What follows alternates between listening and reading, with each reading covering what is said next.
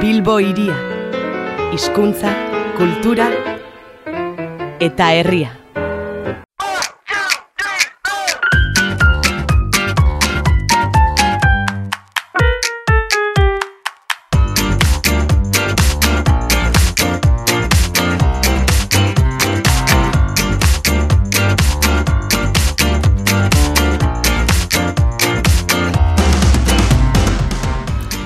Egun honen zule, Bilbo iria irratea, gaurkoan kalera atera da, egun berezia da Bilbotarrentzat abenduak hogeita bat, San Tomas asoka eta bi urteren etelanaldiaren ostean, ba bueltan da asoka eta Bilbo iria irratia ere bueltan da kalera. Gainera gaurkoan, ba goizean goizetik abiatuko dugu saioa eta guardia bitarte izango gara.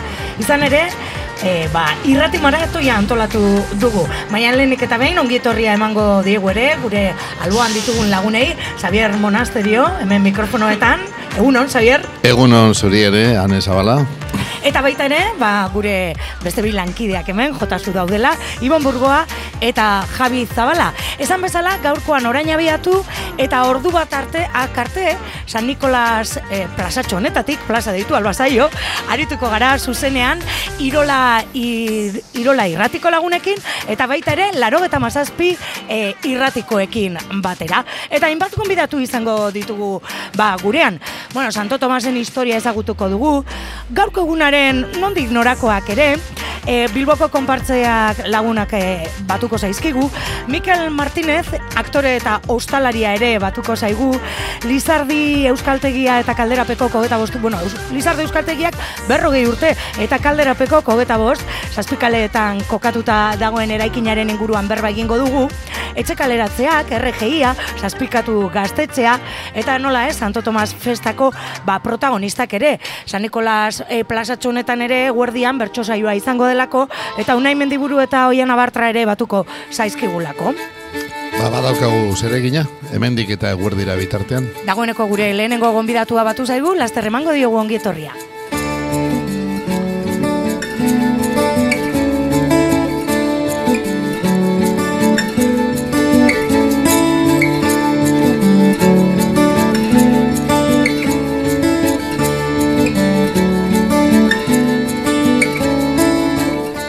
San Tomas eguneko asokak ez du izango urteroko itxura, plaza berrian eta e, ez da egongo posturik, areatzen jarri dira aurten postu guztiak arre, areatzen eta harriaga atzekalde horretan. Eta horrek, ba, bueno, ba, zerrea piztu du, bai baserritarrengan, talogiengan, nola ez baita ere, ba, e, plaza barriko hosteleriak, enba sindikatuak aldaketa hori salatu egin dute, baserritarrak baztertu utzi dituztelako, e, baserren postuak ez dira leku e, bakarrean, e, bueno, ez dira egongo plaza barrian, hemen areatzen, eta plaza barriko hosteleriak ere, deiagunkarian argitaratu zuten atzokoan euren iritzia, izan ere ez estatu nahi izan dute, eurak baserritarren postuak plaza berritik e, kendu nahi izan dituztela.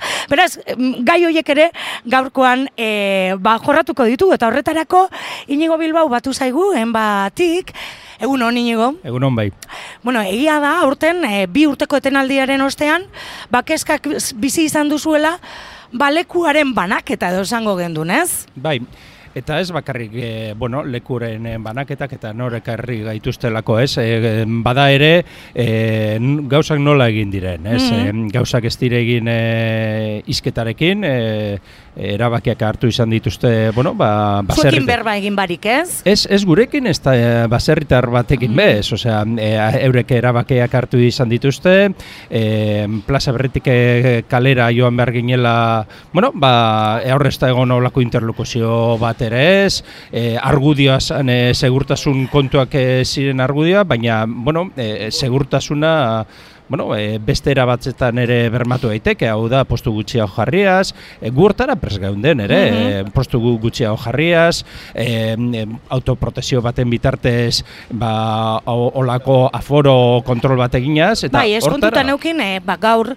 e, egun berezi izango dela bi urteko etenaldiaren ostean, eta aurre ikustin da, orain, bueno, ba, jendea dabil, baina eguerdi partean, suposatzen dugu jende asko gongo dela, ez? Bai, egia da, egia da, e, ba, bueno, e, plaza plaza berria leku itxi badala eta Bai. eta horre, bueno, ba, kon, segurtasun kontrolak egon behar direla eta eta horrekin guk ere eh, bat geunden. E, e, gaia da e, nola egin direzen gauzak Mhm. e, e, baserritarrekin itzin gabe, e, beste aukerak e, mai gainean jarri gabe eta, bueno, ba, ez dugu uste e, hau e, e, horrela jarraitzeko bidere denik eta uste dugu, ba, bueno, ba, beste dinamika batzuta sartu bar garela. Inigo, behar bada gogoratu beharko genieke gure entzulei, ba, orain arte nola izan den, eh, eta noren ardura izan den, ba, barruti honen, azoka barrutia antolatzea, okerrez bagaude, Bilboko udalaz gain, kutsabank ere baitago. BBK. BBK, hori da, BBK. BBK da, BBK fundazioa.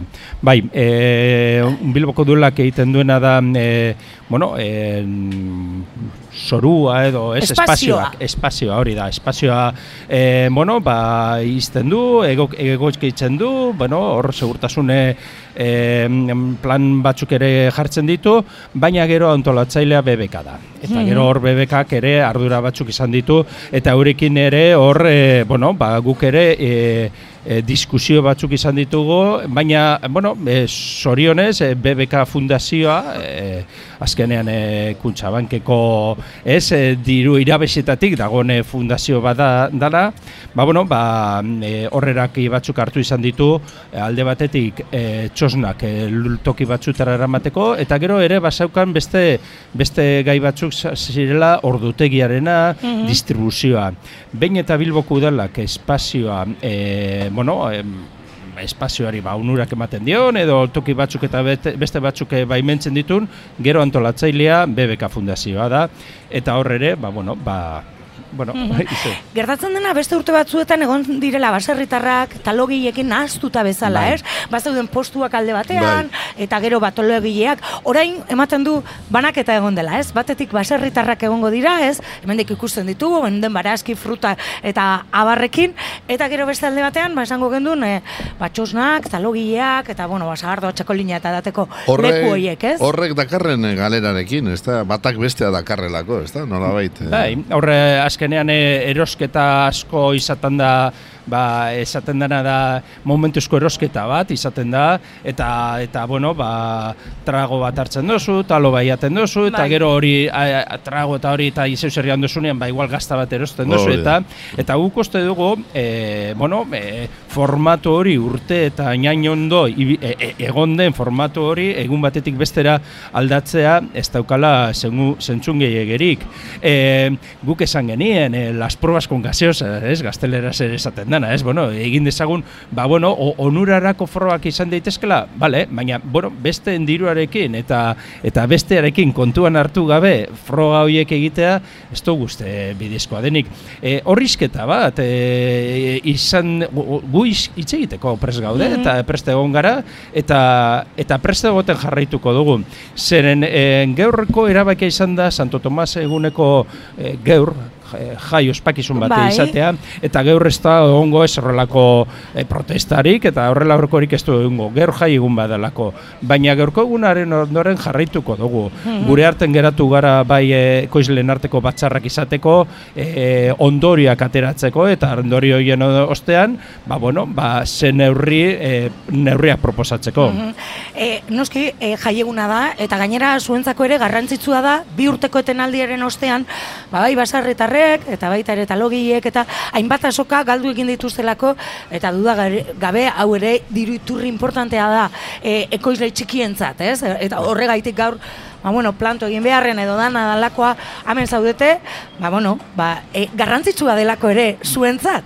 Egun hau, Salmenta zuzena guretzako gero eta garrantzi gehiago dauka eta zergaitia da e, distribuzio handiak e, kaleratzen gaituztelako. Karo. Esaten dute bai jartzen da bie, bertoko produktuak dauzela, euren dendetan, baina hori izaten da jendea hurbiltzeko era bat, Eta gero e, distribuzio handiek e, guri eta eta hori argi esan behar da guri kalte handia egiten digute. Kalte handia egiten digute zeren e, gure produktuak eta beste produktuen arteko margenak, Margenak oso ezberdinak ezberdinak direz, ez? Ezberdinak direz.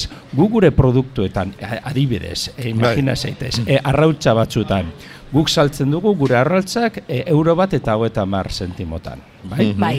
Gure markarekin saltzen dugunean, produktu hori bukatzen da bi euro eta berrogeta mar sentimo baino gehiagoa. Ezberdintasuna nabarmena da. Bai. Alako bi, prezioak alako bi egiten. du. Arraultza berdinak Bai, bai. marka zuriarekin saltzen dira zenean, euro bat eta laro gehian saltzen da. Orduen Bai. horrek behartzen zaituna da, bueno, ero, er, eroslei eh, behartzen diena da, e, produktu bat e, e, marka zuria erostera, eta zuri hortik kanpora ateratzen zaitu. Merkatutik kanpora zure marka, merkatutik kanpora geratzen da.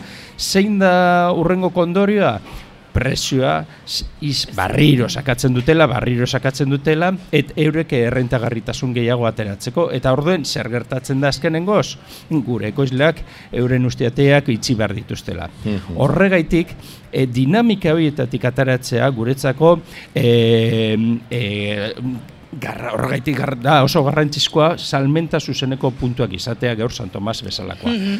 Merkatu zuzenak, e, tokian tokiko dendak. E, horrelako, e, bueno, ba, horrelako aukerak e, guretzako beharrezkoa dira ze bestela e, hila gaude. Bitartekariak ateratzen dute tekinik handiena. Ba- Bidean gelditzen dira diruak. Bai, eta, baina hori ez da arazoa zeren, bueno, eurek ere badaukate ez, diru Bai. irabazteko, bueno, eskubidea, baina dena, dena eurentzako, e, galdera hori da, dinosuna, bueno, e, e, irabazi dezakete, bai, irabazik izan ditzazke, bai, eta ondo bizi aldire, bai, baina, baina hori guze bada, eta hori... Ez inoren lepotik, ez da? Hori da, eske, eske gure, gure, gure diru sarrera, momentuzko diru sarrera dire, eh, baditugu guk, eh, eta abidi- abidibideaz, eh, eh, esneko izleak. Daukazgu esneko izleak eh, urtean zazpirun mil euro baino gehiago fakturatzen dutenek, zazpirun mil euro, volumen oso handia da. Bai. E, milaka eta milaka eta eundaka milaka inbertsioak dituztenak, eta eurek, euren sarrera netoak, etxerako sarrera netoak, mila eta eun ba, euro baino gutxiagoa direla. Bai, bai. imagina Ikaragarria da, benetan. bai, zu- imagina zeite Dago. zorrelako Ez dago dinamika. proportziorik. Eta, eta, eta gaia da, beti, beti berdina, hau da, besteak gehiago sentimo bat bi gehiago sakatu nahi ditulako, eta dinosuna da, baina ber, hau nun bukatuko da, noraino joan algaren horrekin, ez? Orduen horregaitik, San Tomaseko eguna Bai. da ez da bakarrik erakusteko, fakturatzeko be bai, baina, baina da aukera bat. Eh? Bai. sistemati, horretik eh, sis- sistema hartatik Eta ateratzeko. herritarrei ere gogorarazteko, hau da aukera, ez? Bertokoa, tokikoa, gertukoa, ez? Hori da, hori da. Eta, Hori garrantzitsua dela eta ere, ez? horregaitik. Banaketa sare hoien e, gehiegizko etekinari aurre egiteko bide bat kooperatibismoa izan daiteke zuen arteko elkartze berezi horiek edo Hor, eh, guk eh, diskusioa badaukagu zer egin, ez? Zer egin, eta hor eh, izaten da alde batetik eh, diskusioa da salaketaekin eta eta eurekin horrelako komunikazio batekin eta bitar esko jalaritza edo administrazio bitartekari lez hor sartzea, eh? eta eta bien arteko, ba, bueno, ba, hor gure gure errentagarritasunari ba pizkate pizkato betu, hori da aukera bat edo bete, beste aukera e, ja hori hori da gu onberrain bertan jorratzen ari garena. Baina ez dakigu ez dakigu e, etekinik atareko dugun hortik zeren e, ez dago ez dago e, ez dago argi, ez daukagu oso argi nora, e, hori nora doan. Beste, e, beste dinamika, beste me, sistema batzuk sortu e, beste komertzioko era bat egiteko, ba, gu orain eh, ez- horri izkenun pentsatzen, baina gaur egun e, errealitatea zein den ikusita e, iritzi saldatu behar dugu. Eta iritzi saldatzen ari gara, eta eta hori bide bat izan daitekela gero eta argi hau dekogu. bide paralelo bat asmatzea. Bai, bai, bai, bai, bai, gu argi izan behar dugu ere, e, bai izan dela beti orokorrean, ba, e, olako sindikatu, nekazal sindikatu bat, baina, bueno, baina merkatuarekin, e, bueno, ba, e, harremana zeukana, eta eroso zagona, baina eske, azkenengo urteetan ikusi izan dana da, e, gero eta txarrotoago gaudela, eta baina eske ez, ez duela askotan ere ardura zein, zein, zein e, sistematan e, kuesten duzun, bardin da, sistema agroekologikoan bardin da, sistema superintensibo batean sartzea, zeren azkenean esarri den sistema da e, ekoizleak ez dula e, txiro izan behar dela. Ekoizlea txiro izan behar da. Eta, eta orain bertan hortan hor hori hemen, e, bueno, nekazariok hori ikusten dugu. Baina gero eta e, e, ekonomi e, sektore gehiago daurde horrelako, e, horrelako dinamiketan sartzen. Eta Nola hurbilduko dira gazteak horrela nekazaritzara, ez? Ez, baina ez nekazaritzara eta, Ez eta, eta ez ur- ur- urte batzu barru ez eta e, ere. industriare ere, zeren han, ere ere sartzen Bai. ari direz hor- horrelako dinamika batzutan zeineketan ekoiz, ekoizteak, zeusar ekoizteak ez du ardura, ez du ardura. Bai, bai. Egin, hausnarketa eh, potoloak, eh, gaurko egunerako. Bueno, gaurko eguna ere, aipatu dugu, egun, festa eguna dela, ez? Eta entzulei ere gonbitea luzatuko diegu, lehen ordu honetan, gustora asko egoten da, temperatura ere. Benetan ere. Bueno, benetan enkargatutakoa ematen du, euski ateratzen ari da, ez da gizema gradu egongo dira, baina txamarra gabe gaude. Hori e, esan da ere, e, gaur izaterako, zema talo egite aurre ikusten duzue? Eun mila. Eun mila talo? Eun mila, eun mila. Guau. Eun mila da zenbakia. Eun mila, eun mila eta lo zenbaki bet, eun mila da. Eh, gutxi gara bera ikusita zenba dauzen eta zenba saltzen da bien, eta eun mila eta lo dire. Horrek danak e, pizka bat prestatuta ekartzen dira, ez? Bai, bai, Ai, bai, bai, bestela bai, ez du- bai. Ez du denborarik, eh, ez? Ezinezkoa da. Hau Lana da, ez? lana da eta horregaitik eh, hor arazoa ere basego, nahi zu, nora joango gara, nola Claro, joango gara. eramaten eh, hau bagaituzu beste guztia- leku bateran, Claro. zer du generoarekin, ez? Eta hori egiten badu, Ja. Hori da. Claro. jaztire zeun mila, ia berro eta mar mila dira. Karo, bai, bai, Claro. e, eske horrek zerikusia dauka hemen e, e, urbiltzeko edo urbiltzeko, ez?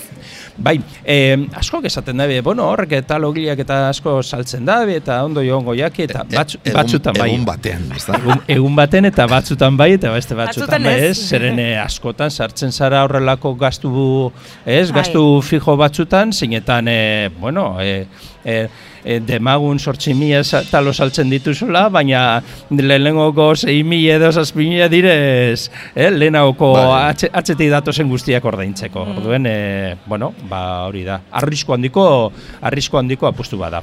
E, taloak e, gehienetan txorizoskoak edo...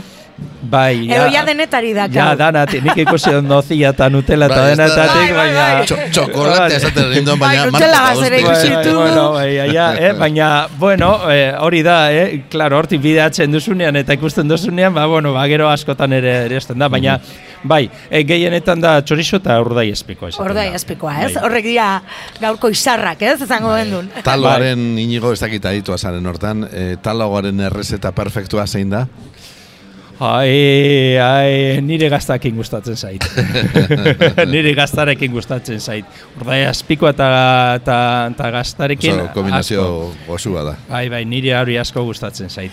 Eta beste bat ere, galdetuko dugu, zehatzo egon ginen e, gu irratian erredakzioan galdetzen. Zenba balioko du aurten talo batek e, San Tomasen?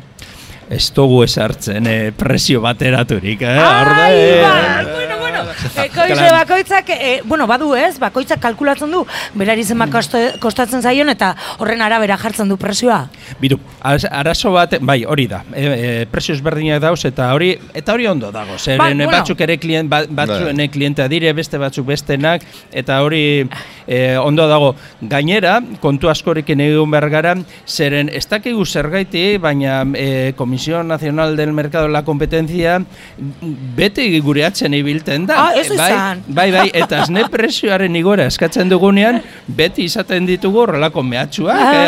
eh, saltzeko aizu, ba, salmentan, eh, bankuetara ez dire joaten normalean, baina guana bai etorten dire, banketzetara joaten dire, eta eta horrek bai, danak egoten dabi batera erun komisioa, Bai, danak egoten dabi eruen interesak eta dena, eta horrezta ezer gertatzen, baina esne, esnearen presio pizkat igote eskatzen dugunean, eskutitzak eta dena izaten ditugu, eta Ta bueno, bueno, vale, ba, ba, ba horregatik, hobeto ez esan eh, presio Bueno. bateratu, ataloaren presio bateratu. Bakoitza hurbildu daitela, gaur e, hor arriaga buelta txortan zaudete, ez? Zenbat adrelogile etorri zarete gaurkoan San Tomas azokara? E, ama lau izaten dire eta urtengoan e, amabi etorri dira. Amabi. Amabi etorri dira. E, bi berdurra zeukaten, e, Bai, karo. nola, nolago joango zitzaien, eta eta bueno, eroen erabakia izan da Mm. e, Ez etortzea. Ez etortzea beldurra gaitik, beldurra gaitik. Ez, ezakitelako zer egin. Bueno, e, hortze, beraz, eumia eta ordutegia. Goizeka bederatzietan, Eta sordu karte gongo dira talogiak martxan hor. Sortxire tarte. Arratzaldeko sortxire Bueno, oraindik ere gu ere badu, izango dugu tartea. Gara, Talo bat eh? jateko, ze e, gu eguerdiko ordu bat arte arituko gara hemen e, San Nikolasetik e, zuzenean. Bueno, orotara eunda hogeta mazazpi ekoizle, berreunda hogeta mazortzi etxola izango dira areatzan, e, baserritarrak, denetariko produktuak ekarriko dituzte, ba, kontserbak, frutak, e, barazkiak, e, hortukoak, esnea, esnekiak, Estia. Estia. estia, Eh? Erleak ba, nik ere baditut eta estia ere badator, Bai, nien nator, nien nator estiarekin, baina, bueno, eh, estia aurten gainera... txakolina, eh, zagardua, Bai, bai, bai, denetatik daukagu, eta gero horrek, eh, hor hemen bertan eh, oso urbildekagu ere horrelako broteak, eh, Mhm. eh, horrelako, bueno, ba, geuse berriak ere, eta ekoizleak Bai. ere, gero eta gero... Gauza gero eta berri gehiago ere probatzen Bai. ditu, ez? Baita Bai, ere, bai. bueno, ba... Euskal Garagardoa ere badaukago, Bai. eh, bertoko hemen eh, lehen ikusi ditut hemen urdulizko etxendiatarrak eta bueno, pues eh, animatu bai jendeari eta jende asko galdetzen zuten, baina San Tomas izango da azkenean eta ez eta hor ba bueno, hor egondalako ba holako bai ba, ba, ba bueno, arazo hau izan dugulako, Bai, baina bueno, bat, bai, ezta? baina jendeari animatu tortzera eta gaur jai egun bada, Bai. bihar eta e, ondoriak atarako behar ditugu, biharren munean, eta gureatan itzen beharko dugu. arduradunekin eh, berba egin, eh? Eta errituak betetzeko daude. Hori eta da. San Tomas da horretarako da, baserritarren jaia da, taloa jaten da, eta... Eta neguraren ataria ere, ez? Hori da, Hori da, izaten da, ez? Beteko ditugu. A ber, ba. Ba, inigo, plazer bat izan da zuen keskak eta abarrentzutea ere. Eta esan dakoa, ba, gonbitea lusatu entzuleari, gaur are atzara hurbildu daiten, ba, hemen izango ditu eta baserritar guztia prest euren produktuekin nekazariak. Eskerrik asko. Eskerrik asko. zuei ahotsa motaetik.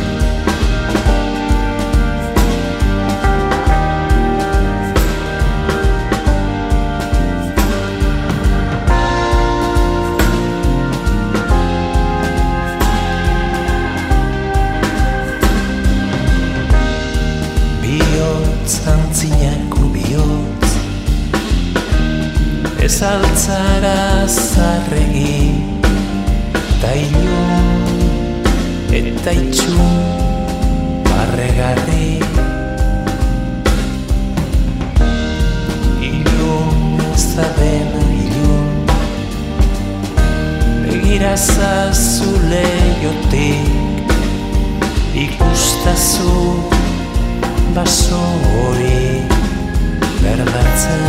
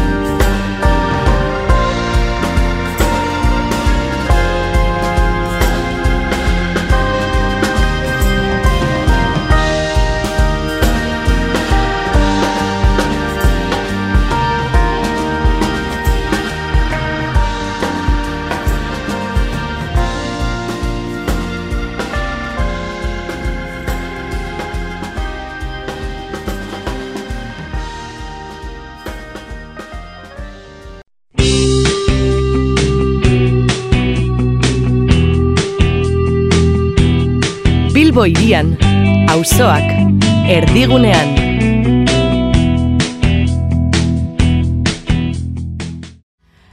Aurrera jarraitzen dugu gaurkoan Bilbo iria irratia, Irola irratia eta Laro eta Mazazpi irratiak ba, elkarlanean ari gara, areatzatik, er, San Nikolasetik, baina hemendik ikusten ditugu areatzako postu guztiak, herri kirolak ere hementxe bertan prestatzen ari direnak. Gaurkoan, iruro eta mairugarren edizioa du San Tomas Asoka honek, bi urteko etenaldiaren ostean, eta dagoen eguraldiarekin, ba uste dugu oso jendetsua izango dela. E, bederatzia, ama, bueno, amarrak, laurden gutxi diren honetan, no, e, bai, somatzen da jendea, oraindik ere, ba, ez asko, e, orain, momentu hona da, eh? baserritarren, ba, ekoizleen eta nakasarien produktu horiek ikusteko, ez? Benetan ordurik onena esango nukenik ez, jendea badabil jendearen etorria zubian bera gero eta handiagoa da, ikusi egiten dugu hemendik eta baina oraindik badago, badago modua, ba, produktuak bertatik bertara ikusi, e, dastatu eta baita erosteko ere. Eta jendea horretan ari dela esango genuke. Bai, San Tomas Asokak eiruro eta mairu urte betetzen ditu, areatzan, Ba, aurten ez dira txosnak egongo, postuak baizik, bederatzietatik arratzaldeko sortzirak bitarte. Nekazarientzako eta baserrentantzako ba, plaza, lehenengo sektore hor- horrentzako plaza handia da, e, San Tomas asoka hau, ba, produktuak, ba, esan dugune, e, inigo kontatu digunez, ba, salmenta zuzena egiteko. Aurten, berrikuntza giza, plaza berrian, e, jartzen ziren txosnak eta postuak harriagaren albo batean jarriko dira, itxasadarraren e, ondoan. Bilboko konpartzek prestatutako egitaraua, ba, e, gaur, esaterako, Bilboko irratien maratoia, eta e, gero e, bertsolariak izango dira, elektrotxaranga, eta baita ere gastronomikoa, pintxuak ere, e, goizoko bederatzietan hasi eta arratzaldeko zazpiterdiak bitarte izango da, ba, Bilboko konpartzek e, antolatzen duten ba, jaigune txo hau, esango genuke, San Nikolas bueltan, urtero e, legez. Eta baserritarrak ba, denetarik e, e, ekarriko dute, ez? Bai, ba, betiko barazkiak et, e, eta estia aipatu dute, gazta, estia, zagardoa, eta e, inigo aipatu digu, ba, produktu berriak ere kimuak aipatu ditu, ezta? Ari direla gero eta gehiago promozionatzen. Bueno, ba, barazkiak, frutak, e, garagardoak, txakolinak, denetarik e, izango da gaurkoan. Eta elkartasunarako egunare izango da San Tomasekoa. Bizibi, sukaldarien fundazioarekin lankidetzan, bi ekitaldi solidario egingo dira, eta bildutako dirua Aspanobazera joango da. Minbizia duten ume eta nerabeen gurasoen bizkaiko elkartera. Bizubiko sukaldariek e, Balmazedako bos mila indaba prestatuko dituzte eta gero ba, porzio txikitxoetan erosial izango dira. Erki, eta bestalde, ba, e, in situ sortuko, sukaldari horiek e, in situ sortuko dituzte kioskoan hainbat pintxo, azokan bertan erositako produktuekin. Hogeita hamar minutu inguru iraungo du saio bakoitzak eta jendearen artean banatuko dira pintxoak, nahi dituenak dastatzeko eta ekarpen solidarioa egiteko. Azken enkante bat e, egingo da, jendea animatzeko parte hartzen e, dis, e, diseinuko ba, putxera baten e, sosketan.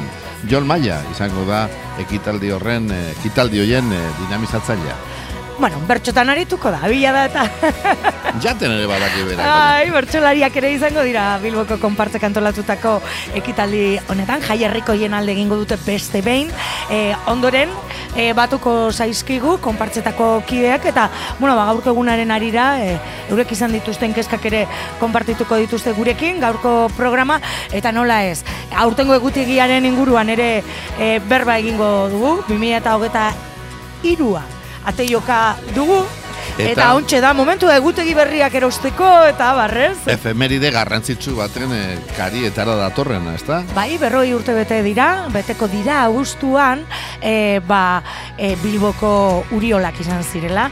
Aste nagusian bete-betean harrapatu zituen uriolak, eta ba, konpartzak, e, klabe eta oso garrantzitsuak izan ziren, ez? Ba, e, bueno, ba, sortutako e, u- uholdeek itzitako ba, e, sarraski guzti hori ba, laguntzeko, eta horri omenaldia e, egin, eta benetan e, egutegi interesgarria e, egin dute argazki e, historikoekin. Egundoko garrantzia euki zuen e, ko- korparzen e, koordinakundeak uholde hoietan eta berrogegarren urte horren horretan horren hori dela eta egin den egutegi horrek esan behar dugu gogoratu behar dugu gure entzulei dagoeneko aurkeztuta dagola Bai, egutegia. Bai. Durangoko azaukan ere salgai egon da eta salmenta oso politak izan ditu. Beraz badirudi ba arrakastatxu gertatuko zaigula. Anekdota gisa, e, e, igandean Bilbo iria irratiko lagunak e, Iruñean egon ginen, bertsolari nagusiko txapelketa nagusian, eta bertan, ba, arrosako hainbat irrati egon ziren, eta, bueno, bai, egutegia eraman genian, opari gisa, e, beste irratientzako, eta, bueno, ba, kuriositatez eta ikusten zuten, ba, askotan, ba, Bilbokoa ez den horrerentzako, ba, agian, ba, asturan dagoelako, ez, gertatutakoa, agian, ba, bertokoak garenak, ba, oraindik ere, e, ez, ez dira, nes, horrenbeste urte paso, berrogei urte, eta, bueno, asko, ja, berrogei gorakoak garenez, ba, gogoan ditugu irudi horiek, ez? Mhm. Musika pizka bat entzungo dugu, eta jarraian Bilboko kanpo hartzetako lagunak etorriko zaizkigu. Astelena biharamun Ezin ez lertzear nago. Sabeleko kalambreak Ezin dut gehiago. Haze ondo pasatu nun Ura gaua atzokoan Denbora luze batean Gogoratzekoan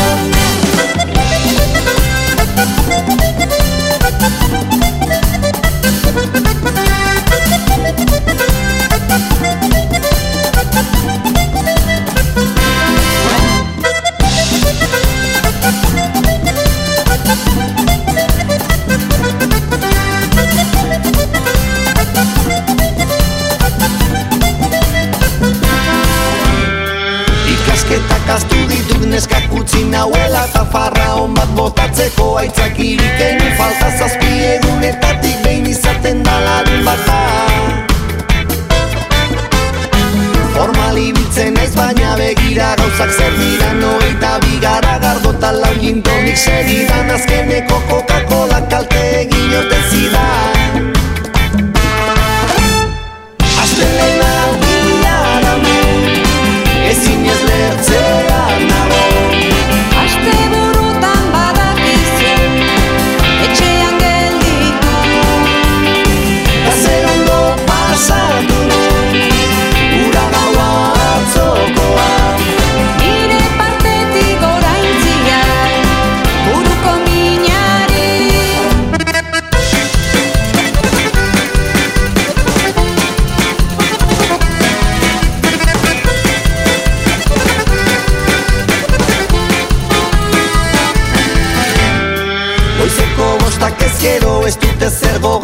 balantzaren urratxetan zapatari gabe nintzen eskerrak nire galtzetan etzan txamponi gelditzen. Urrengoan emango dut gizon zintzoaren planta berandu baino lehenago egin beharko dutan. Urrengoan izango da honek bueltarik ez dauka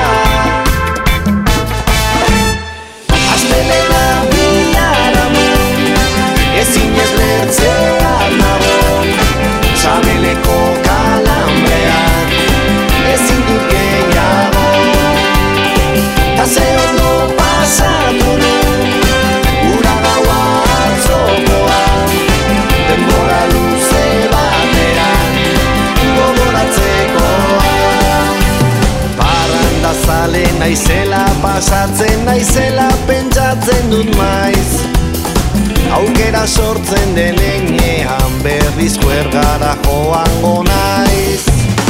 Astelena biharamun ezin ez lertzean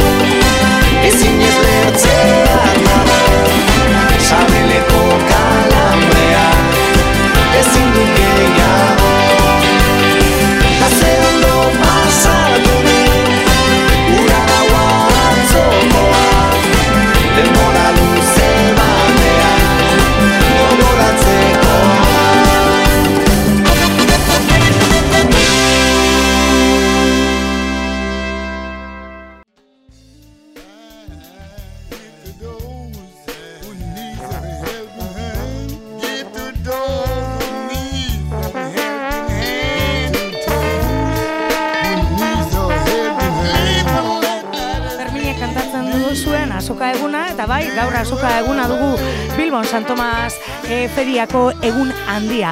Aipatu bezala, Bilboko konpartzek urtero legez ere bagune berezia antolatzen dute San Tomas egunerako, beti ere, ba, San Nikolas buelta honetan.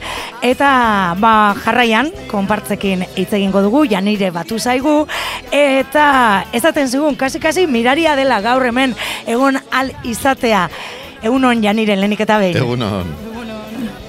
Bueno, miraria, e, ba, lehenengo eta behin ere, ba, enbako lagunekin hitz egin dugulako, eta eurek ere kontatu digute, edo jarri digute, ez? E, bueno, aurreko egunetan ere entzun izan ditugu, edabideetan, ba, kesu agertu direla, plaza berrian ez daudelako ere postuak, areatzan jarri dituztelako postu guztiak, talo gileak ere e, arriaga atzekaldera e, eraman dituztelako, aldaketak ekarri ditu San Tomas egun honek, espazio hori dagokionez, eta konpartzek ere, ba, izan dituzue, arazoak horren arira, ez?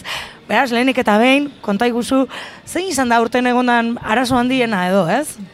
Ba, aurten batez ere udalak e, oztopo asko jarri dizkigu e, oikoa, osea, gure espazioa dena okupatu ahal izateko.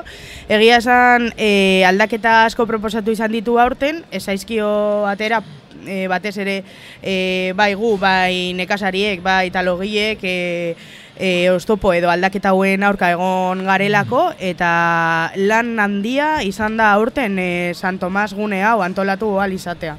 Bai, e, gainera, e, Kuriosoa da, ze konpartzek, e, zenbat urte hemen e, San Tomasen e, hemen txosnarekin, eskenatokiarekin, gastronomarekoarekin, ba, egun bateko jai herrikoiari ere, ba, bueno, gehigarri giza, ez? E, Eta sekula arazorik ez?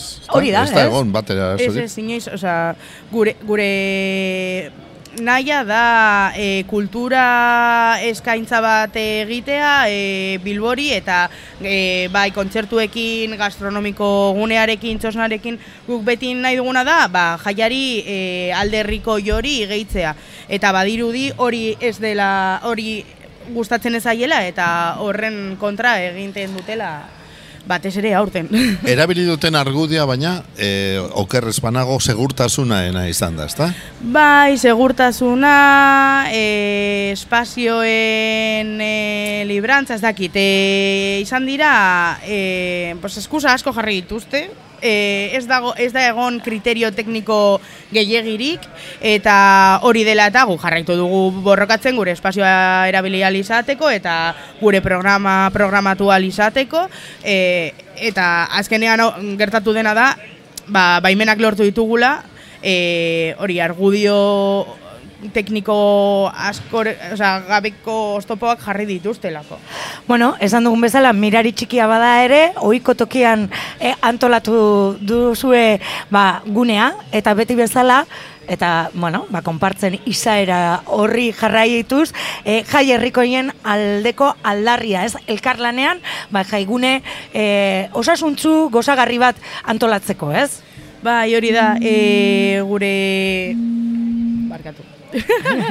gure programazioa beti, bueno, gure programazioa nahi duguna da, e, be- bertoko e, jendearekin lan egitea, bai txosnako produktuekin, bai gastronomikoan eskaintzen ditugun e, indabak eta e, txerriarekin, hasirekin egiten dugu lan, eta da kilometro, ba, pues, kilometro zeroko produktuak e, eskaintzen ditugu, gero be bai, pues, e, gure kulturaren aldarri bat egin eta bertsolariak dantza plaza antolatzen dugu da pizka bat egunari gehitzea e, jai herriko herrikoien e, ikuspegi hori. Eta gaurkoan ere gainera bat egin dutu, duzuen nekazariekin eta baserritarrekin, eurek ere arazoak izan dituztelako gaurko azoka handi honetara e, etortzeko.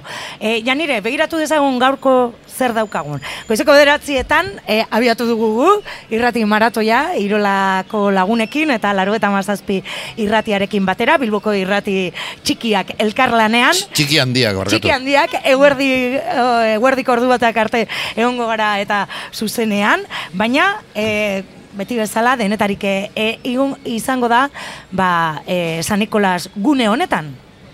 Bai, bai, e, amaiketan e, hasiko da hasiko dira kintza Egitaragua, esango hori da, genuke. Egitaragua hasiko da ofizialki amaiketan, baina zuek ja e, aurreratu zarete. E, eta amaiketan txosna irekiko dugu, hemen daukagu bai postutxo bat egutegien salmentekin, e, urtero ateratzen ditugu egutegi batzuk, e, eta Au- aurten... E, berezia benetan, aurten oso aurtengoa, eh? berezia da, bai dakizuenez, e, uolden berrogei garren urte hurrena da, eta ba, hemen gauz egutegia saltzen, eta hori... Harrera polita izaten ari da, ez? polita Eh, orain arte, eh? Egutegia, ez? Bai. O- aurreko urteetan gogoratuko dugu e, entzuleari, ba, egute, konpartzen egutegia, ba, pizka bat urteko e, laurpena zela, ez? Jaietako argazki batzuk, inauterietakoak, Bilbo kantari, bueno, eta abar, hainbat kontu antolatzen dituztena, dituzuenak, ez? Baina aurten, ba, efemeride hori e, gogoan ekarri, ez? Eta bustuan beteko direnez, e, berrogei urte, e, ba, uholdeak izan zirela, e, ez edonolakoak, e, izugarrizko e, ba, katastrofea izan zelako, baina pizka bat anzturan ez geratzeko, ariketa berezia egin duzu egutegiarekin, ez? Bai, bai. E, ariketa berezia egin da, eta batez ere guri gustatuko litzaiguke azpimarratzea, eta emetik etorkizunerako begirada bat jartzea, ba, elkarlanean, berta urte horretan eman ziren, e, pues, e, laguntza, e, hausokideen arteko hori elkarlan, Antolakuntza. antolakuntza, elkarlana, Auzolana. bai, auzolana Klabeak izan ziren azpimarratzea. konpartzak egun haue, e, horietan, ez? Bai, be, ba, e, konpartzak eta auzokideak, osea, jende Bai. asko e, lagundu zuen, bueno, ni oso gaztean naz, baina... Hau da, berrogei urte baino gutxiagokoak ez dute gogoratzen, baina... bai, Beste batzuk bai. Bai, bai, bai. Eta klabe, hori, klabe horiekin e, landuko dugu urrengo urte osoa, Et- elkarlanaren... E, Artxibora jo duzue argazkiak e, bilatzeko eta horregaitik da berezia eta e, oraindik ere salmentan dago hemen postuan gero sosketa bat dago, ez? Bai, egutegikin batera, e, boleto bat ematen da, eta e, bertoko produktuen... E, Otsara sas- bat. Bai, saski bat, otsara bat, e, sosketatuko da arratzaldean. Bai. Eta esan behar dugu merke saltzen duzuela. Bai, oso merke, bi eurotxo, bi eurotxo egutegia eta sosketa, bueno, osea, hori... Bai, eta egutegi polita benetan aurtengoa. Hau izan da publizitateko minutua. Eta hemen gure aldamenean daude sal, esaltzen, eh, egutegia, eh? Bi euroren truke gero arratzaldean izango da sosketa. Beraz, bueno, eh, badugu denbora oraindik. Bai. Gero amabietan be bai, egune gastronomikoan hasiko dira indabak banatzen eta e, txerria be bai e, banatzen pintxito batzuk, e, hasirekin hori lan egiten dugula e, hauek eskaintzeko eta ba, bukatzen direnen arte egongo dira banatzen. Normalean askar bukatzen dira. U- urtero bukatzen dira eta. Bai, bai, bai, bai. E, hemen aldamenean San Nikolasen e, ikusi ditugu gastronomikoakoak goizean goizetik ba, lanean, ez? Babarrun horiek prestatzen, txerriak eta pintxoak prestatzen. Eta am, amabietan abiatuko da, Bai, ez? salmenta? amabietatik aurrera, bai. Oso, no? Eta ondoren bertso saio hasiko da, ordu batak aldera, e, hori ez dakite, bueno, Oiana Bartra, Aisa Intzausti, Unai Mendiburu eta Asier Alcedorekin egingo dugu hemen bertso saioa. Amabit erdietan batuko zaizkigu irratira lehenengo eta behin. Ah, Egon etorriko dira, etorriko dira. Ondoren e, ordu biak aldera gaiteroak izango ditugu eta lauterdiak aldera dantza plaza. Eta ja eguna bukatzeko seiretan sosketa eta zazpiretan e, elektrotxaranga eta bilbo kantaria. Eta Bilbo kantari, e, izugarrizko arrakasta daukan ekimena ere. E, Bai. bai, bai, bai. Normalean e, oso arrakastatua da, baina San Tomas egunean benetan berezia izaten da. Mhm. Eta gaurkoan e, denok elkarrekin, ez? Konpartza guztiak e, elkarrekin lanean. Bai, beti bezala, guk eh, antolatzen ditugun ekintza guztietan, e, konpartza guztion e, lana eta eta osea, guztio gaude antolakuntzan eta lanean elkarrekin hemen e, aldugun oberena eskaini ahal izateko. Bueno, hasi baino ez da e, egin eguna, nola espero duzu joatea, ze eguraldi izugarri ona dau, daukau. Ez dakik gehiagi izango den? bueno, ez gara kejatuko, beste batzutan euripean egon garelako eta. Janire, pentsatzen nahi naiz, ba, beti ere konparsak eta aipatzen ditugunean Bilbon, beti aste nagusiarekin eh, lotzen ditugu, baina hori ez da oso zehatza, ez da? Ze, konparsen eh, lana espaita aste nagusira mugatzen. Ez, ez, ez da oso zehatza, egia san urtean zehar, ekintza nahikotxo egiten ditugu, e, gure urtea Santo Tomasean hasten da, baina gero aratuzteak datoz, e, San Juana... Aurten laster gainera, bai, bai, oso ari. Orduan, emetik eta gutxira berriro ere elkartuko gara. Ai, inauterietan. Kopla txikien lehiaketa lehenengo, gero inaute De hecho, egun hoiek. Bai, bai, bai, bai. Ja, hasi gara izen ematearekin emetik eh, gutxira hasiko da, eta, bueno, pues, e, bai, bai, gure ekintzak e, urtean zehar asko dira, egia esan, agian arrakastatzuena aste nagusia da, baina e, bestelakoak ere oso politak dira, eta pues, e, lusatzen dugu e, gonbitea jendeari, ba, on, gure beste ekintzetara ere etortzeko. Bueno, bi urteko etenaldiaren ostean, ba, ematen du dena dela berria bezala, ez? Aste nagusiaren ere urduri geunden denok, ez? Nola izan behar zire- ziren, ez? Er, e, gaur ere, ba, ez dakit, ere urduritasuna dagoen ere, ez? San Tomasekin, inauterietan agian berdin egongo gara, ematen du, ez? Urteetako lan hori, baina bi urteko etenaldiak, ba, baduela ematen duela, ez? Urduritasun hori. Bai, bai. Ez dakigu batzu, askotan gertatzen zaigu, ez dakigula zer espero, jaztu zaigulako zer zen egun hau antolatzea eta zer zen egun hau bizitzea eta ba, egia esan aurreko asteetan urduri ibili gara, ze gauza batzuk bergo goratu behar izan ditugu. Baina guzti, ba, ziur e, ondo aterako dela eta jendea animatuko dela, oso egun polita izango da. Merez dizuen, beraz. Bueno, ba, gonbitea entzulei, badakizue, San Tomas azoka handia gaur Bilbon, abenduako geita bat, eta San Nikolas buelta honetan, Bilboko konpartzen e, bat txosna eta egitarau oparoa ere. Janire, eskerrik asko! Zuoi. Sortu ginen enborberetik Sortuko dira besteak Burruka hortan iraungo duten Zubaitzardaska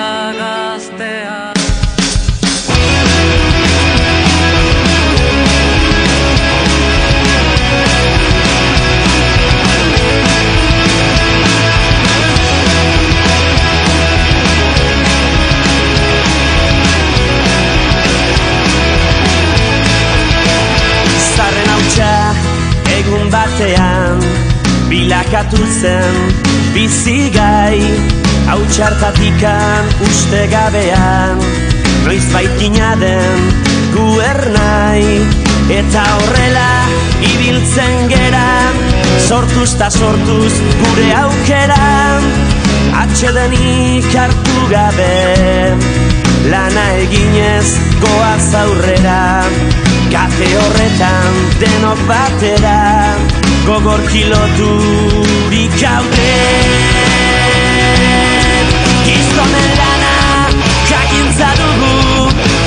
Ez dagutu zaldatzea Naturarekin bat izan eta Harremanetan ongi errotuz Gure sustraiak lurrari lotuz Bertatikan irautea Ezaren gudaz baietza sortuz Ukazioa legetzat hartuz Beti aurrera joatea. Gu sortu ginen enborberetik Sortuko dira besteak. Burruka hortan iraunen duten Zuaitz arraska gazteak. Beren aukeren jabera ikiz Ta erortzean berriro keikiz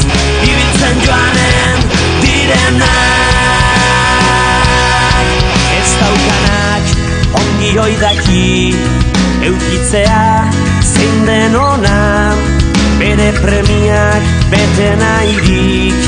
Beti bizi da izona Gu ere zerbait bagera eta Gauden tokitik hemendik bertan Saia gaitezen ikusten. Ametxeroak bazterturikan Sasi zikinak bingo zerreta Bideon bat aukeratzen. Gizonen lana jakintza dugu Ezagutu zaldatzea.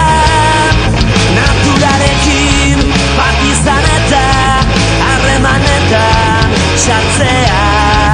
Eta indarrak ongi errotuz Gure sustraiak lurrari lotuz Bertatikan irautea Ezaren gudaz baietza sortuz Ukazioa legetzat hartuz Beti aurrera joatea. Gu sortu ginen enborberetik Sortuko dira besteak. Burruka hortan iraunen duten Zuaitz arraska gazteak Beren aukeren jabera ikiz Ta erortzean berriro keikiz Ibiltzen joanen direnak. Gu sortu ginen enborberetik Sortuko dira besteak. Burruka hortan iraunen duten Zuaitz ardazka gazteak Gertakizunen indarta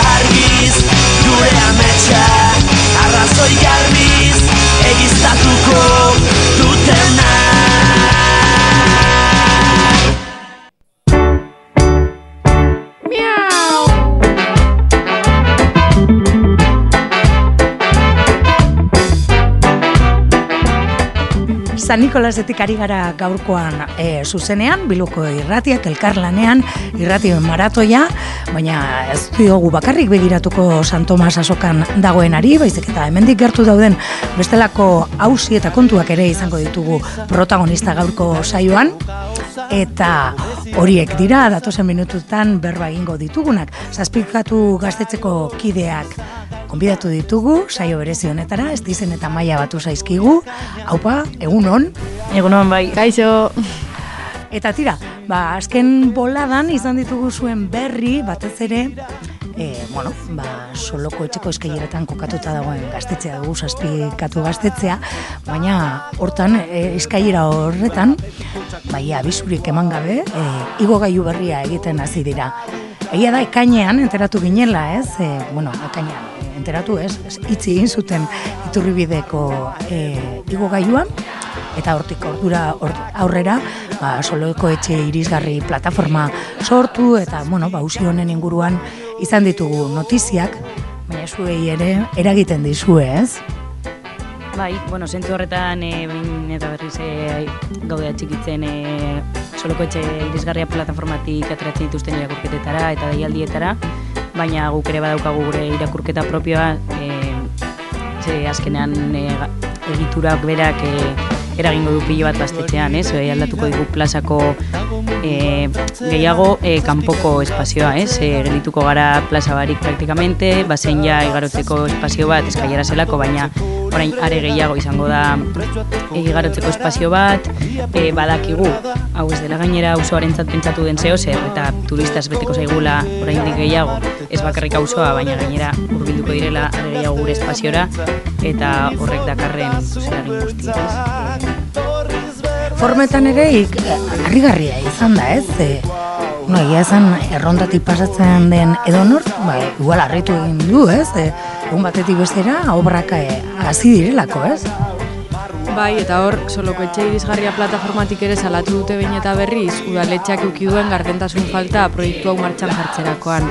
E, soloko etxeko lehengo iturribideko igogailua zen Bilbon e, ordaindu behar genuen igogailu bakarrenetakoa, eta duela urteak ari ziren eskatzen e, udaletxeak edo eusko jaurlaritzak bere gain zezala igogailu hori eta zerbitzua doainik izan zedila, Eta erantzuna beti zen, ezela euren eskumena, jabetza pribatu baten esku zegoela igogailu hori, eta zeukatela eskumenik e, eskatzen zitzaien hori egiteko. Eta pasadan astean edo duela bi aste, soloko etxe plataforma irisgarriak gainera, e, jakin izan du, 2000 eta bost, edo 2000 eta barkan urtean, ez e, igogailuaren jabeak eskaini ziela e, haiek hartzeko e, igogailu zaharraren kontzesioa orduan. Gardendasun falta izan da ikaragarria, baina gainera gezurretan aritu dira urte luzez soloko etxeko bizilagun guztien kontura. Eta bai, ba, lehen esan duzuena, egun batetik bestera langileak kaleratu, e, igogailu zaharreko langileak kaleratu, eta hasi hemen ia ia bi milioi e, eurotan ordainduko dugun obra faraoniko desproportzionatu hau. E, alde zarrean daukagun gune berde bakarrenetariko bat suntzituko dutera bat, e, gaztetxe kortua ere botako dute, bera. Eta, eta bai, hiru igogailu izango dira gainera bakarra beharrean, horrek suposatuko duen ere bai e, inseguridade guztiarekin. Aipatu izan da ere gune ilunak agertuko direla ere, ez? E, bueno, hori ere kontutan eukite, eukitzekoa da, ez? E, bueno, izango dira igogailuak, baina gero oinez egin beharko da urrengo igogailura, ez? Hor ere esan dute ez, mm, bideoa izango dela, ez? Bideo zaintza. Bai, eta horren arira gaztetxean pasadan ikasturtean jada jarri genuen martxan dinamika bat, e, auzoaren kontrol sozial eta poliziala salatzeari begira, ari delako auzoa bihurtzen, ez, postaletarako auzo bat, Bilbo e, honen barruan, eta igogailu honek gutxienez, geldiune bakoitzean izango ditu bi igogailu, osea, bi- barkatu, bi kamera gehiago. Horrek suposatuko duen guztiarekin eta gaztetxeari ere jarriko dion e, kontrol gehigarri horrekin. Bueno, beraz, e, kesu edo, bueno, salaketa hori egin egin duzu, ez? E, sare sozialetan ikusi izan dugu, zuen irakurketa ere, e, ba, gertatzen ari denaz, ba, bueno, berez, e, iskileretan, e, parez pare egingo delako igogailua, ez? E, noski, ez, ez, ez duzue inongo informazio horik izan, ez? Ez, baina, bueno, e, jada badago gure jarduna baldintzatuta, gure espazioa guztiz aldatuko duelako, e, sarbidea, gaztetxerako sarbidea dago guztiz oztopatuta, baina, bueno, guk argi daukagu ere honi erantzungo diogula, eta gure jardunarekin aurrera egingo dugula, e, oso argi daukagu zein den gure zeregin auzoan, zein den gure proiektua, auzoko proiektua, eta honek guztiz apurtzen duela horrekin, eta, bueno, guk aurrera jarraituko dugu gure ekintza guztiekin, antolatzen ditugun gauza guztiekin, eta bueno, uste dute gure agenda begiratuta ere horrek gure indarra ere erakutsi duela eta bueno, horrekin aurrera goazela. Ba, horri errepera, erreparatuko diogu, ez? Zazpikatu gaztetzea laster gainera ere urte urrena, baina, bueno, e, gaurko egunari, e, San Tomas egunan ere, ba, bueno, e, ez da dena areatzen gertatzen, jende asko batzen da, osango gendun, e, zazpikaletan alde zaharrean, zuek ere, bueno, ba, irekita egongo zarete, ez?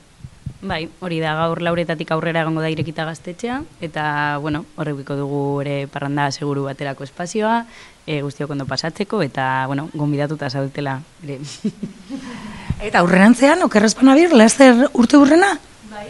Urtarrilaren azkenengo astean ospatuko dugu, urte betetzea da urtarrilaren amairuan, baina itxaroten dugu unibertsitateko azterketak amaitu arte parranda ondo egin alizateko, eta laster emango dugu ere bai egitarauaren berri, baina bai, izango ditugu bai inguruak, proiekzioak, antzeslanak, kontzertuak, eta primeran pasatzeko aukera.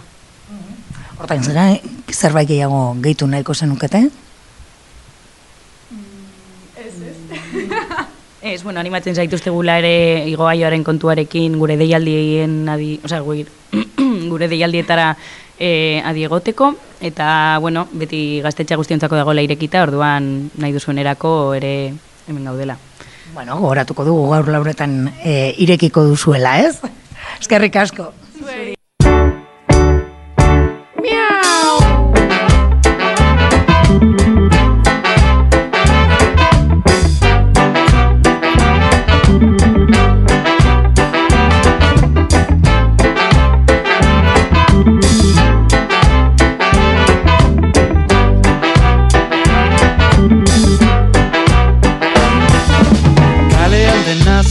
zen grisa Dañozko kaosa Pobreziaren baldoza. Gazte prekario entziza Galduta hainbeste katu Kaleko kantoia kaina Independenteak baina. Ezin independizatu Beti berantza begira Ezin galdu esperantza Ez gaiera tangorantza Badago alternatiba Betiko txakurreko hau. Eureko horita gukau Arauak ezarau Egunez eta gau Marrua edo miau. Borrokak ordirau Bat, bi, iru, lau. Zazpikatu baino gehiago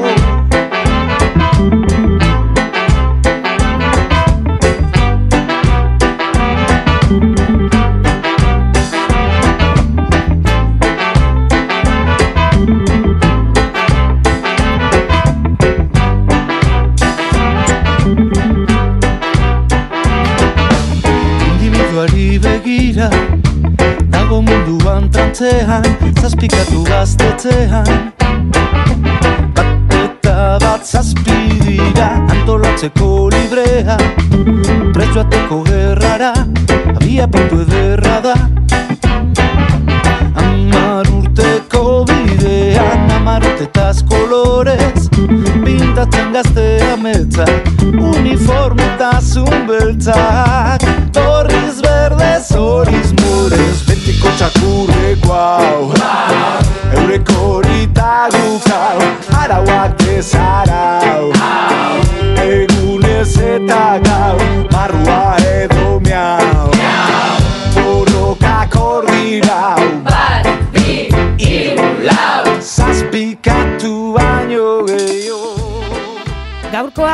Tomas azokatik zuzenean ari garen honetan, San Tomas azokaren nondik norakoaz gain, ba, zazpikaletako kontuak ere ekartzen ari gara gure sintonia honetara. Zazpikatuko lagunekin hitz egin dugu, Laster urte urrena ospatuko dute, soloko itxeko eskileren eta igogailuaren hausiaz ere hitz egin dugu eurekin, eta zazpikaletara joango du ja- gara berriro ere, San Nikolas honetatik, hobe esan da, zazpikaletatik, e, e, alde zaharretik, txakurkaletik, batu zaizkigu, Titu Serrano, korrikako arduraduna eta bizkaiko koordinatzailea, eta baita inoa etxauz, Lizardi Euskaltegiko e, zuzendaria.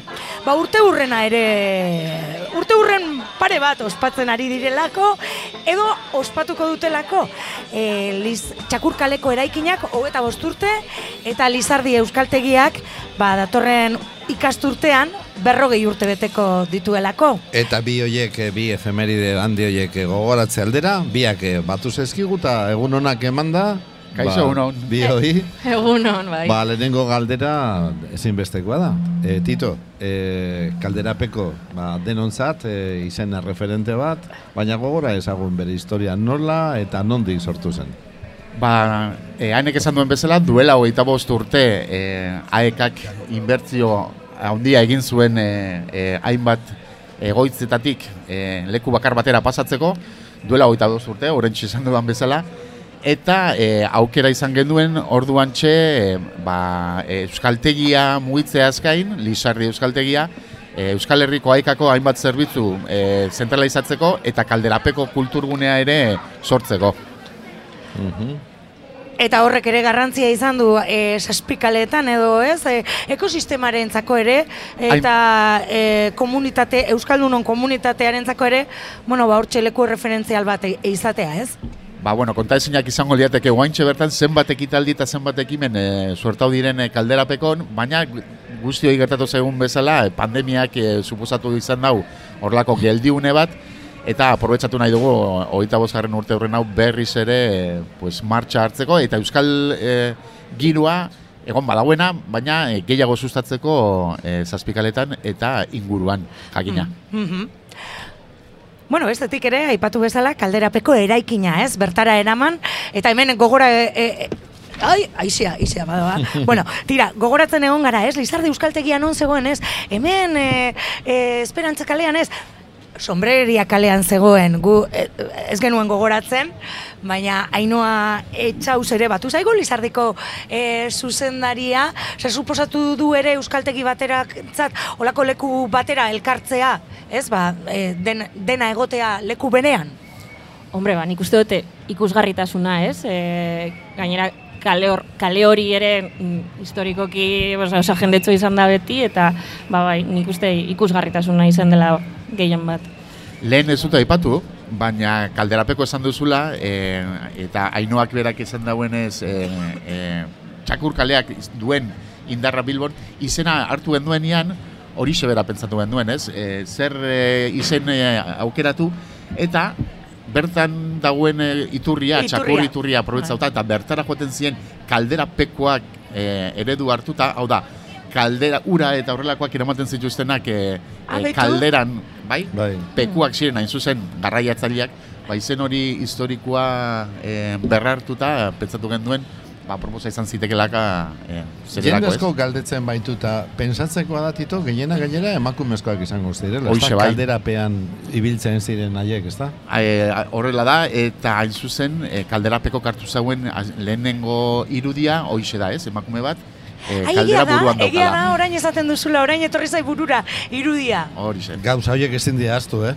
Ezin dira aztu eta eta eta horregatik pues eh, ingenduen alegina eh, rekuperatzeko ba, bueno, lan gogorro eh, ura eta Abenduaren ama bostean egin zenuten jaitxoa, ez? Eta zelan joan zen, e, suposatzen dut gainera, ba, Lizarde Euskaltegiko ikasleekin ere e, han arituko zinetela, ez? Abenduaren ama bostai, ez? E, okarrezpan abil. bai, pasaden astean, eh, pasaden astean ingenduen ostegunez eta eta jai guztiak bezala, pues jai giroan ari ginen.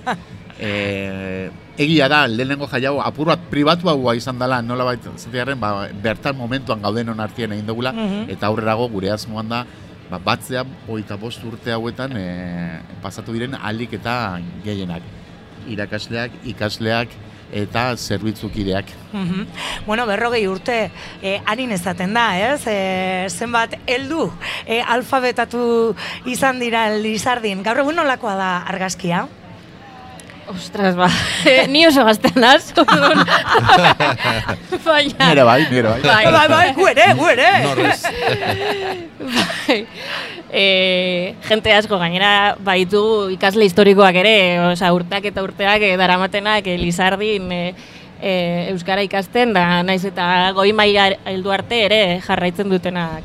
Harremanetan, ez? Bai, bai, bai, bai, bai. izaten, Bai, bai, bai, bai, bai. eh, bueno. Bai, eta korrika garaian ere agertzen dira laguntzeko eta bai, bai, bai. Pendiente daukagu egia esan datu horiz, e, askotan pentsatu dugu eta gure burori galdetu diogu. Hogeita bost urtean, e, e, zenbat jende, zenbat lagun euskaldu dugun datua e, zurianen gainean jarriko bagendu ziurrenik e, harritzekua izango litzateke. E, nik neure burua jartzen dut eredu edo, edo e, onelakoak pentsatzen ditugunean, eta hogeita mar urte egingo ditu nik neuk, ere, e, aekan, eta eta topatzen dut ikasle asko eta asko duela hogeita bost urte hasitakoak neurekin euskaldunak petopetuak direnak gaur egun. Bai. E, ni neu ere euskaldun nintzen e, e, aekan, Ze santutxun. postasun hori, ez? E, ikasleak ikuste oraindik ere ze baita ere kontrakoa gertatu daiteke. Bai, e, eta tamalez, Eta- tamalez gertatzen da, olakoekin ez? ere agurra gurutzatzen dugu, e, noizean behin, baina e, interesante datua, eta bueno, asmoetako bada horiek ere rekuperatzea e, espakizun urte honetan edo. Izan ere Ainoa, nolabait eh, helburuak eta moduak aldatu dira, ezta? Duela Tito aipatu den duela hogeita hamar urteko pedagogia eta gaur egun erabiltzen dena eta gaur egun adibidez, ba, dana da ikustekoa eta entzuteko, ezta? Gu paperaren gainean eh, ikasi genuen eh, euskaldundu ginen edo alfabetatu ginen eta gaur egun ordea, ba, hori eguneroko tresna duzu, ezta? Ikus entzunezkoak eta Bai, osea, gure, osea, aekan metodologia da komunikatzea komunikatiboa, beraz, e, papela erabili erabiltzen dugu, batzutan beharrezkoa delako, baina baina gutxi. Osea, gaur bertan ikasleak kalera atera ditugu, bai, e, ba, sokan eta berak komunika daitezen eta eta errealitatea ikus dezaten ez bakarrik gela, gela baten barruan. Bai. Naiz eta Bilboko errealitatea, ba, soritzarrez, Bai. ez da, guri gustatuko litzaigukena bezalakoa, baina, bueno, hortxe, hortxe. Saiatzen gara.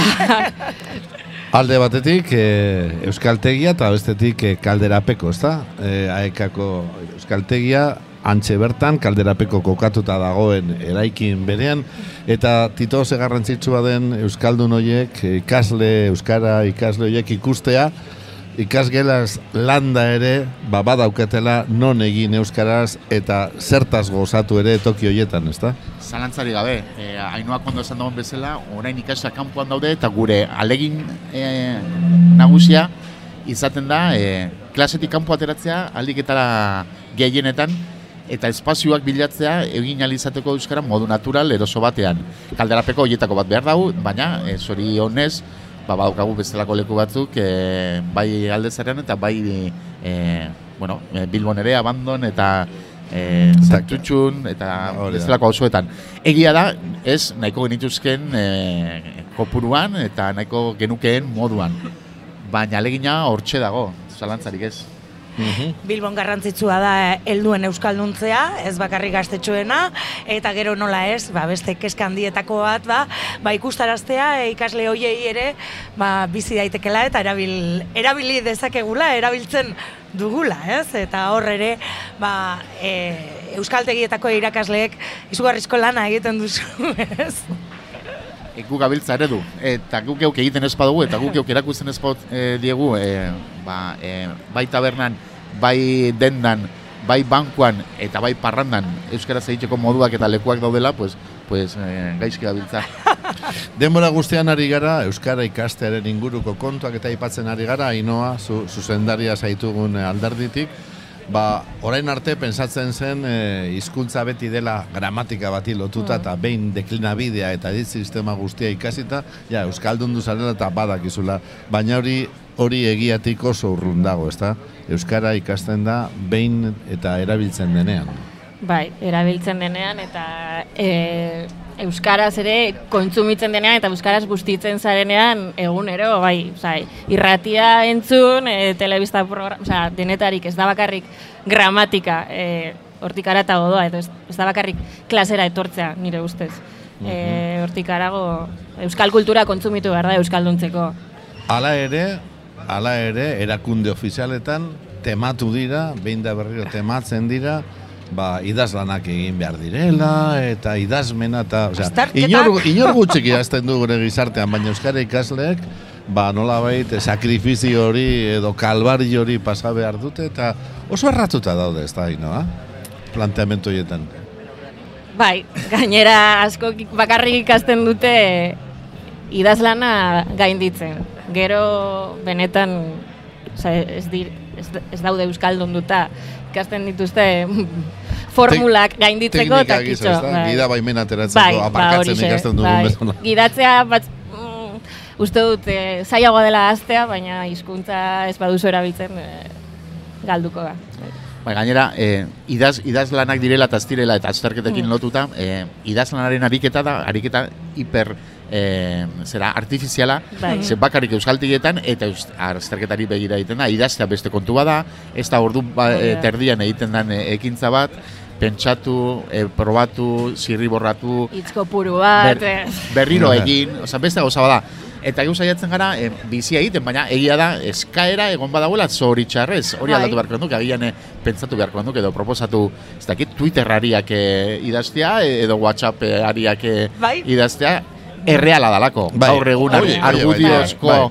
Eh, testo bat, pues, kasetariek eta... eta Ba, Eta alkat- idazleek edo Alkateari, alkateari gutunik idazten dionik ez dagoela esango nuke nik, eh? Iritsi artikulua herriko aldizkarirako eta abar, ez? Agian e, Twitterari bat edo Whatsappari bat e, errealagoa da. Hoize, praktikatzea da guretzat importantia dena e, eta horren arira, pues bueno, komentatu dugu kalderapeko eta ta Lizardi eta laugarren eta bosgarren e, solairuan badaude bestelako zerbitzu eta hoien artean aekak e, praktikatu e, e, zera, e, zerbitzua dauka, e, zeinak pues, kudeatzen dituen berbalagunak eta e, euskara lasai ere leku erosoak bilatzen dituen e, kontua.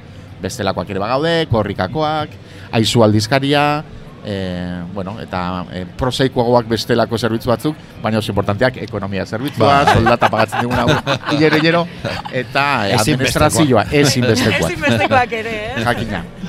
Bueno, 2000 eta hogeta bia bukatzen ari garen honetan, hogeta irua e, berezia izango da, ez? Kalderapekok, ba, testigua pasau Lizardi Euskaltegiari eta berrogei urte urren hori ospatuko duzue.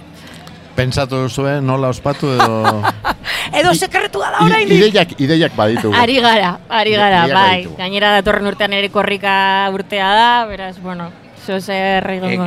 claro, berriro? Claro. Bai, berriro. Otso, A ber, a ber, orain ja burua txik, Ah, txik, txik. A ber, a ber, a ber Bai, nola nik azaldu ere- dugun. Claro, bai, bai, urte bete berandu etorri zalako. Ez, berez, Ah. berez hogeita bosgarrena eh, ospatzen dugu ikasturte honetan, hogeita bi, hogeita hiru orduan, eh, hainbat ekintza egingo dugu kalderapekon bertan, eh, urtarriletik ekainera, eta eh, hor lekukoa pasatuko diogu Lizardiri berari, eta irailetik aurrera edo gutxi gora bera, eh, udan igual zerbait ere antolatzen dugu, horretan gabiltz, Bai. ba, ja ekintzak izango dira Lizardirena ospatzeko. Eta horrere, urte, ikasturte oso hartuko dugu.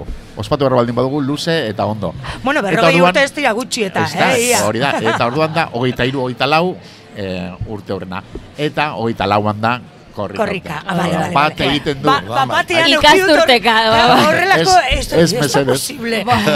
Ez mesedez, bagabiltza antolaketan, baina, datorren urtean, ez, datorren urtean egiteko moduan, eh, ez, Ez, gaude. ez da, Gauz ez da. asko aurreratuta, ezin direnak esan, baina, baina ez, ez, ez, ez, hogeita iruan egiteko moduan, ez, hogeita lauan. hogeita Hogeita etorriko lauan. da, entzule, eh? ez, ez gaitezen nahaztu urteekin. Bueno, gaurkoa egun handia da bilbotarrentzat eta aldezarreko entzat noski, esan duzuen bezala, ba gaur, e, zuek ere ikasleekin, ba, osteratxoa e, San Tomas azokatik. Bai, bueno, eta gainera guk eh, Lizardin Euskaltegian eh, talo tailerra daukagu. Bai, Eh, ikasleek taloa egiten ikasiko dute, bueno, edo saiatuko dira. Nahi, nahi eta eskoa da bertako ikasle izatea bai joateko? Ez, ez, nahi bau zu, zu hurbil zaitez. ondo, ondo. Pro, probatzen joan, baiteke, bai? Eta egiten Bai. ere, bai, jakina. Bai, neuk ere eh, egin behar dut bueltatxua ikaslekin, baina arratzaldean daukat neuk taldea eta deustun. Orduan, ba, aber, aber nola suertatzen den, ze... San Tomas eramango duzu, deustu. Eh, oixe, oixe. Bai, orduan, eh, eguna ikusteke dau nola, zeituko dauen nola bukatuko dan, baina gatzaua da, egia esan, eh, arratzalde zitaz, goizeko girua polita. ikaslentzat eta merkatua bera ikusi ahal izateko eh, polita da. Neizta egun osua dan, Zoragarria, bai, jaieguna hartzeko modukoa. Eta eguraldi honekin gainera. Bai, bai, bai, benetan. Enkarguzko guraldiak gauta. Hoixe. Ba, Tito eta Ainoa eskerrik asko gaur San Nikolas eh, plazatxo honetara hurbildu izanagaitik, zorionak kalderapekori, hogeta asko. bost urte horien gaitik, eta nola ez, Lizardi aekako euskaltegiari, ba, berrogei urte muga horregaitik ere, eh? Ba, ez. Ba, Eskerrik asko. Bai. eta plazara izan da. Bai, hurrengo batera arte. Horixe.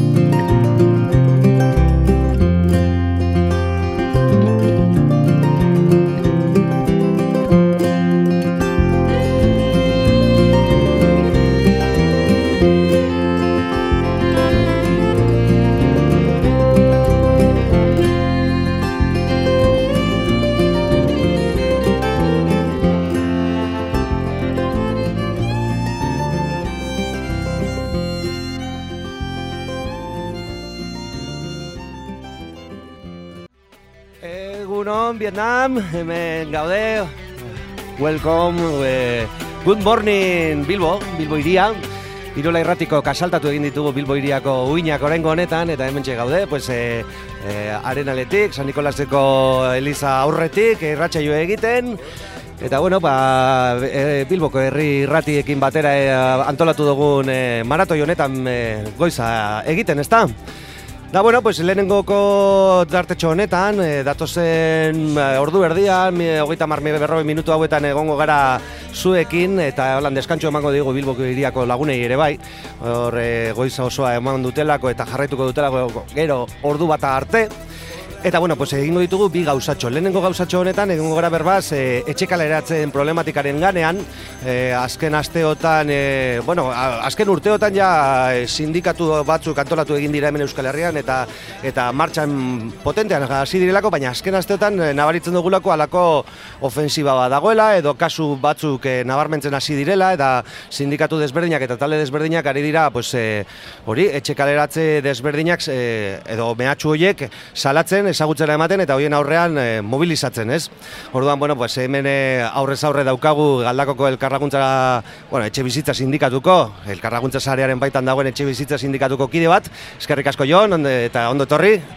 Egunon eta eskerrik asko Bilbo hiriari eta Irola irratiari ba, e, gure hitze e, zabalduteko zer hortan e, e, laguntzagatik, ez da?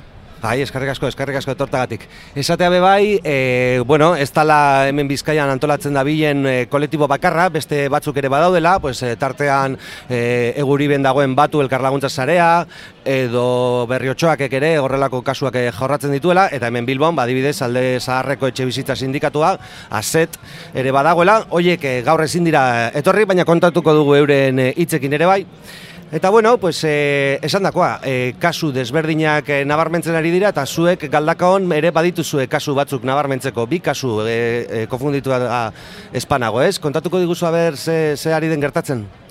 Ba bai, e, beste kasu askoren artean bi nabarmendeko guz, e, ointxe berton ba, egoera larri batera heltzen ari direzela, eta euren artean ba, badau e, e, andra bat, bueno, mono, e, familia monoparental bat, andra bat e, bere hiru umeakaz, ba, ba, e, global pantelariak, hau da, Cerberus eta Santanderren al- e, arteko koalizio, im- bueno, edo e, koaliz, bai, e, enpresa inmobiliaria bat, batek e, gure dau e, familia monoparental bat e, kalean utzi.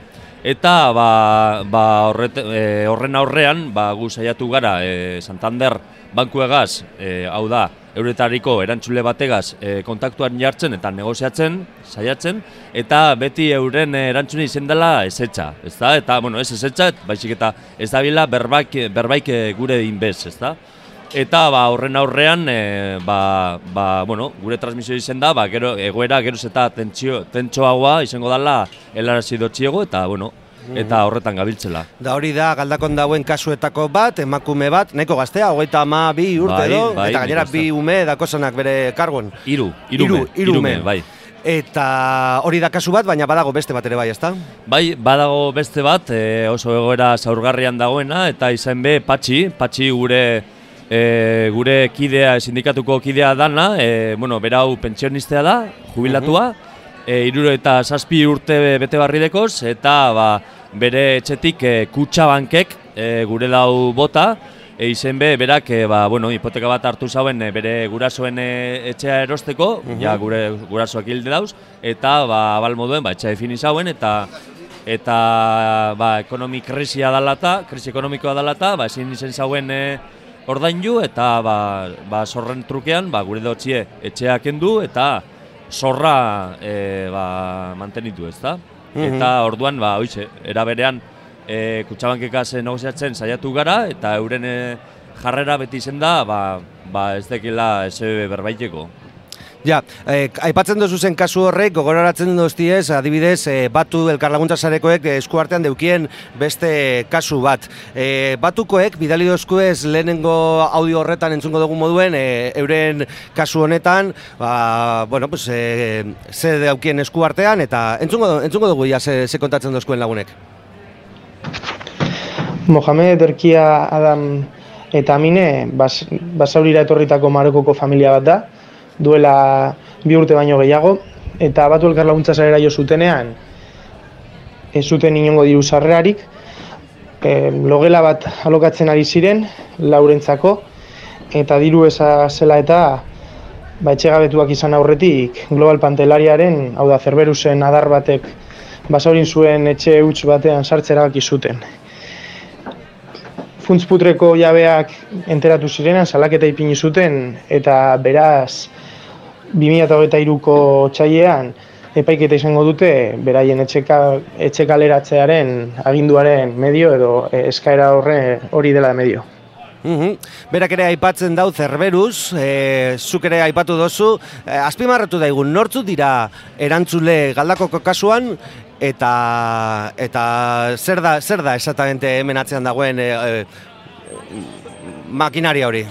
Bueno, ba, 2008ko ek- e, krisi ekonomikoan argi geldu zen ba, kaleratzeak e, ba, era, e, era garrantzitsu batean igo zirela eta e, kaleratze hauena gehien, gehienetan, e, n- gehienetan atzean egon zen e, Banco Santander. E, kaleratze hauetan egon ziren, e, dinoun, e, e, ba, espropiazioak, e, Banco Santanderrek saltu hotxaz e, Cerberuseri.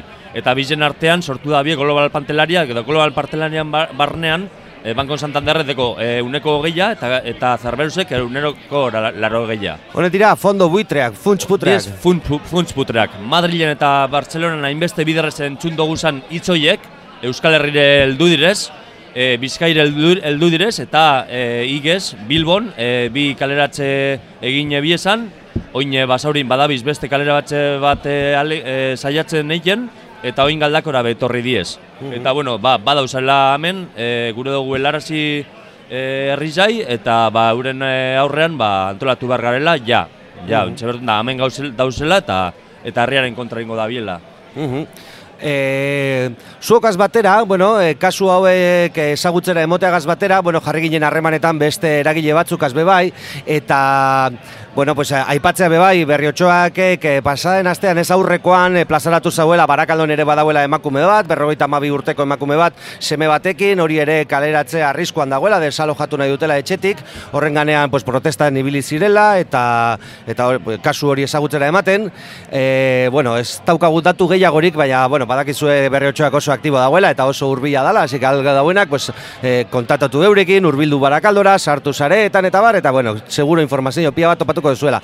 Eta hemen Bilbon, hemen Bilbon dagoen alde zaharreko etxe bizitza sindikatuak azken asteotan ere egin ditu salaketa desberdinak, eh, aipatu du nola badagoela eh, San Franciscon eh, gertatzen ari diren desalojo ilegal batzuk, preabisorik gabe eta bar, hoien ganean ere audiotxo bat jarriko dugu, hoiek entzuteko aukera eukiko dugu orain, nola kontatzen diguten zendan dagoen egoera alde zaharreko etxe bizitza sindikatuan, pues San Franciscon eta bar.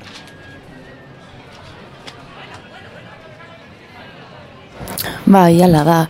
E, bueno, duela aste batzuk salatu genuen bezala, jakin badakigu San Franen eta San Fran moduko e, auzo herrikoietan desalojo ilegalak ematen direla, e, ez direla gainera kasu isolatuak, da, praktika sistematikoak dira eta et, astero ematen direnak, eta bueno, pasaden hilean guk horrelako bi salatu genituen e, San Franen, bat e, sindikatuko kide baten etzean e, eman zena, eta gainera funts putre baten e, jabetza berreskuratzeko e, eman zena, Blackstoneen jabetza bat hain zuzen, e, eta esan dakoa badakigu e, Bilboko udalak horrelako aginduak ematen dituela, eta udaltzaingoak olakoak burutzen dituela e, modu sistematikoan, eta gainera e, impunitate oso, ez?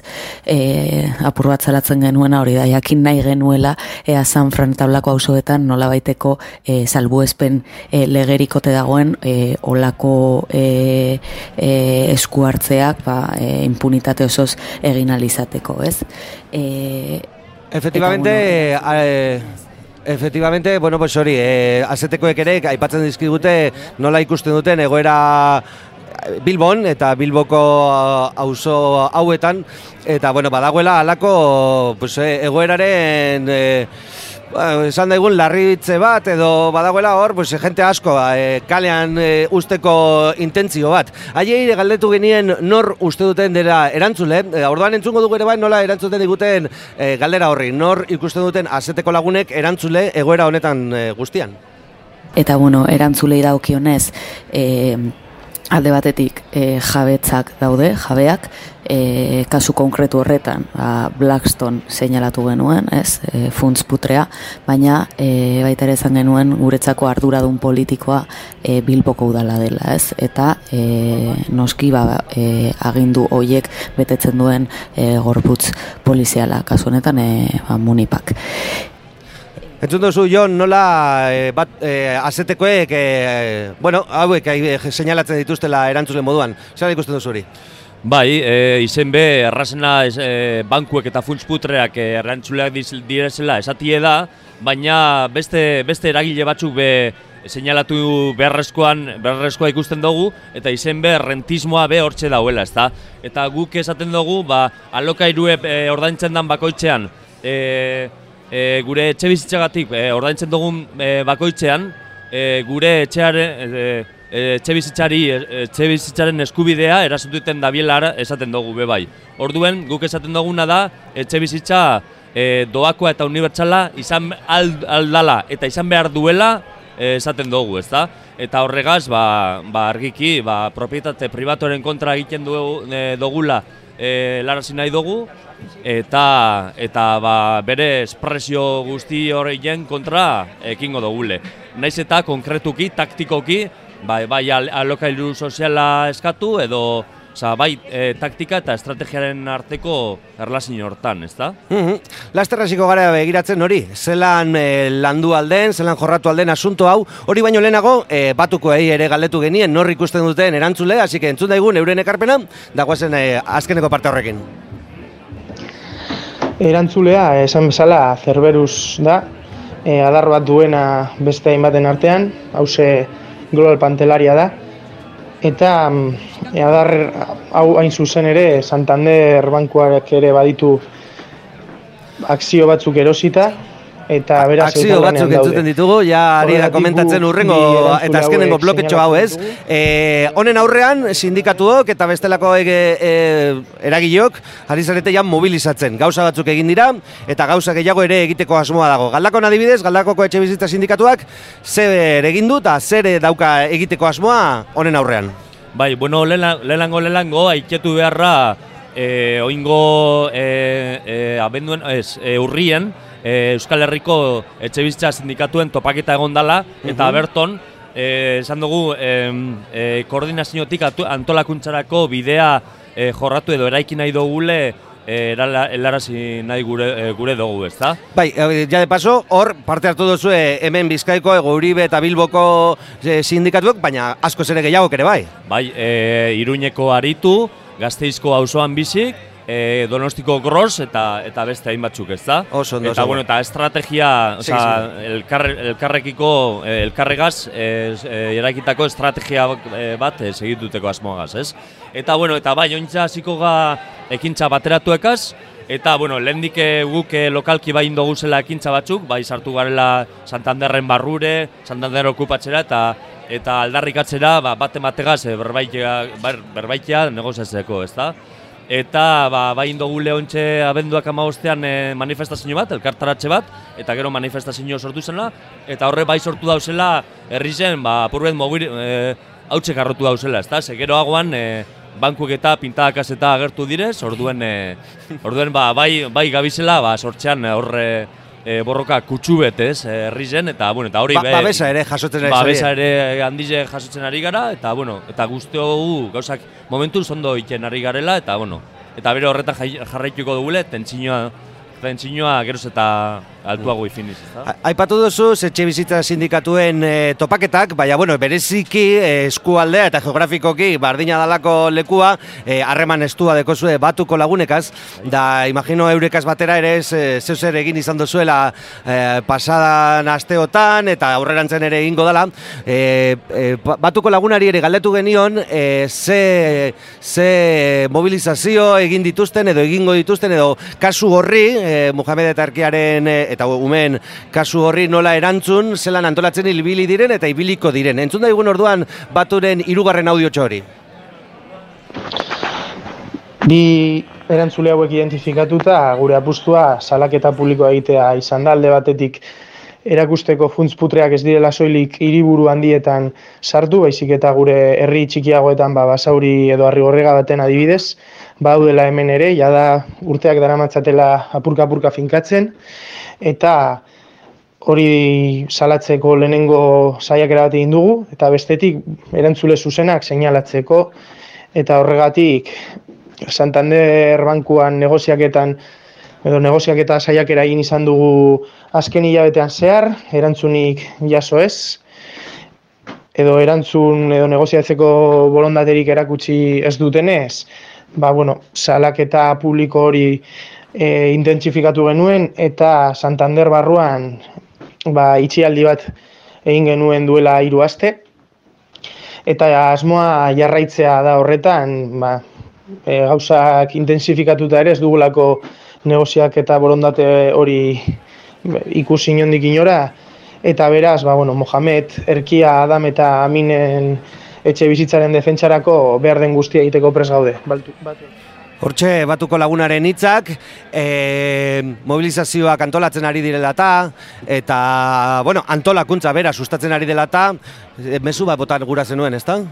Bueno, bai, e, iguale amaituteko eta erremate diogun teoriko dozer bat emoteko, bueno, ba, beti sinestu arazo egiten gaitue, ba, etxe bizitzaren e, problematika ba, individuala dela, ez da? Ba, badago hor nion superestruktura bat edo zer kultural bat, ba, guri erru, errudun e, sentio arazo egiten gaituena, etxe bizitza e, mantenteko edo, edo ordainua izeteko gai ez izeteana, et, ezetagatik, eta, eta bueno, guk ere gure dugu helarazi dala, e, gauza estrukturala dala, gauza e, kolektibo eta materiala dala, eta ba, bueno, da horri aurre egiteko ba, e, konponbidea be kolektiboa dela. Eta orduen e, sindikal gintzarako deialdi bate helarazi nahi dugu, galdakoko etxe bizitza sindikatutik, eta bueno, beste sindikatuetatik be bai, eta ba, jo deizue, etxe bizitza arazuek badeko zuez, ba, jo deizue segon ausoko edo herriko sindikatuetara, eta bueno, da sindikatu zaitezie oso argarrantzitsue da.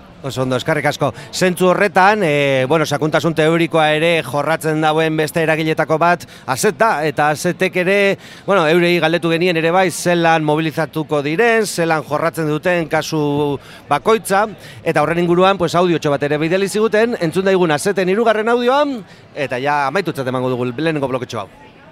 E, eta bueno, mobilizazioei edo erantzunei begira e, guk sindikatu moduan kasu konkretuei erantzun bat ematen diogu eta kasuen e, e, bueno, desalojoaz aparte kasua e, aratago ere lantzen dugu e, eta e, gainera urtarrietik aurrera e, asmoa da ez bakarrik sindikatutik, baizik eta beste e, eragileekin batera, e, ba, bueno, kanpaina zabalago bat e, zabaltzea eta eta biatzea, e, ba, desalojo ilegalen gaia jorratzeko, e, Bilboko udala eta udaltzaingoa seinalatzen jarraitzeko, eta e, batez ere e, auzoari eta auzokideeki e, apur bat haien eskubideak jakinarazteko, mundu guztiak jakin dezan olako prozedurak ilegalak direla, ezin direla egin, eta bide batez ba, e, auzoko babes eta eta autodefentza mekanismo e, eraginkorrak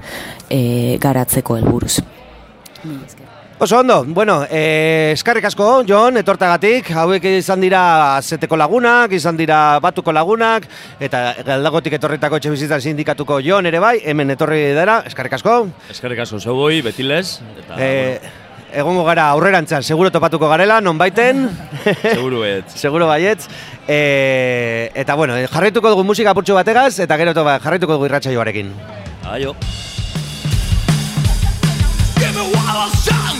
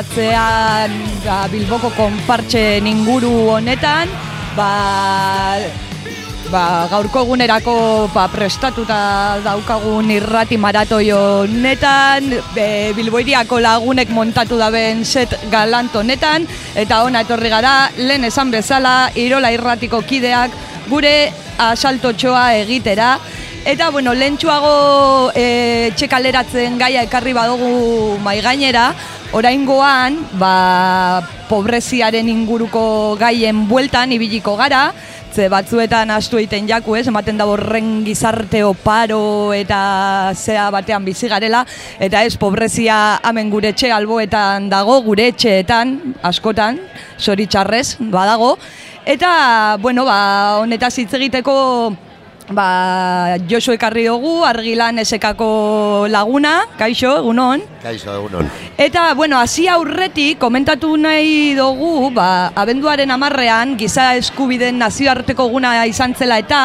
e, argilan esekak eta berriotxoak e, taldeak, ba, hainbat datu publikatu zituztela, ba, ala nola irumila pertsonak ez dutela etxerik, hemen gure inguru hauetan, Seien da iruro eta bat pertsonek kalean egiten dutela lo, egun da hogeita amabi mila pertsona baino gehiago pobrezia larrian daudelak, eta hau dala kopururik handienan mila bederatzireun da laro garren urtetik. Eta, bueno, irureun da laro bost mila pertsona inguru e, pobrezia erlatiboan daudela, datuak ikusten duzuen bezala nahiko larriak dira, Eta, e, bueno, e, gauza gehiago ere plazeratu, plazatu zituzten, ara nola, ba, laren da hogeita mar mila pertsona baino gehiago e, pobrezia eta bazterketa arriskuan daudela, hau da e, Euskal Biztanleriaren euneko ia hogei, Eta berroeta mala, un mila pertsona baino gehiago pobreziako eta gizarte bazterkeriako arriskuan daude eta ez dute diru sarrerak bermatzeko sistema erabiltzerik. Eta emakumeek gehiago eta larriago pairatzen dituztela gizarte eh, parkatu, gizarte bai, baz- bazterketa eta pobrezia kasuak. E, hauek publikatutako datuak, eta, bueno, ba, hemen panoramaren apur bat irudia egin daigun.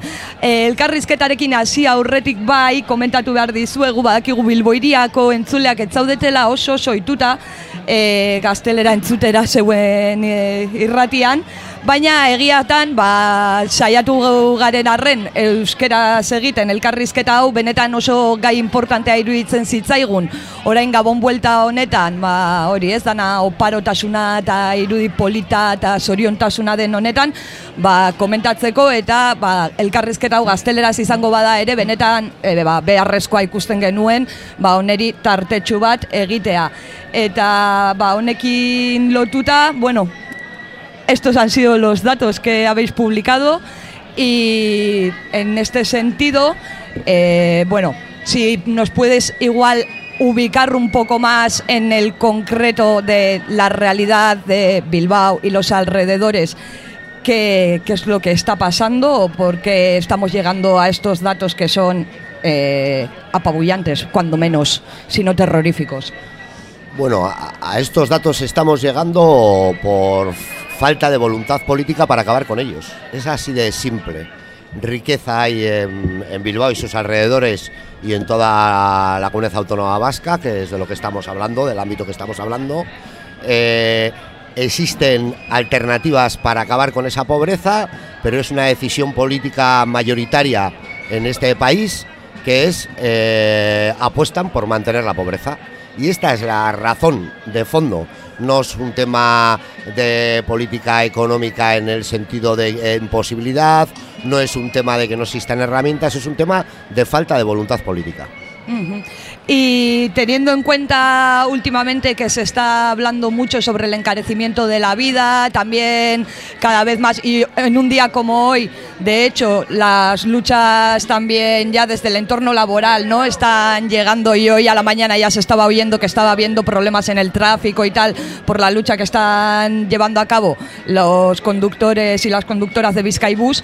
Eh, bueno, estamos viendo, ¿no? Que eso, que tanto desde el entorno laboral se está hablando mucho de que incluso cobrando sueldos, los sueldos no están llegando para hacer frente a los gastos de la vida. Eh, pues eso, ¿no? El encarecimiento de la vida también está afectando especialmente, nos podemos imaginar, a la gente que ya venía de situaciones muy precarias, de situaciones de pobreza más extrema, menos extrema, gente que se estaba acercando. Entonces, ¿cómo está afectando esto también a este sector de la población?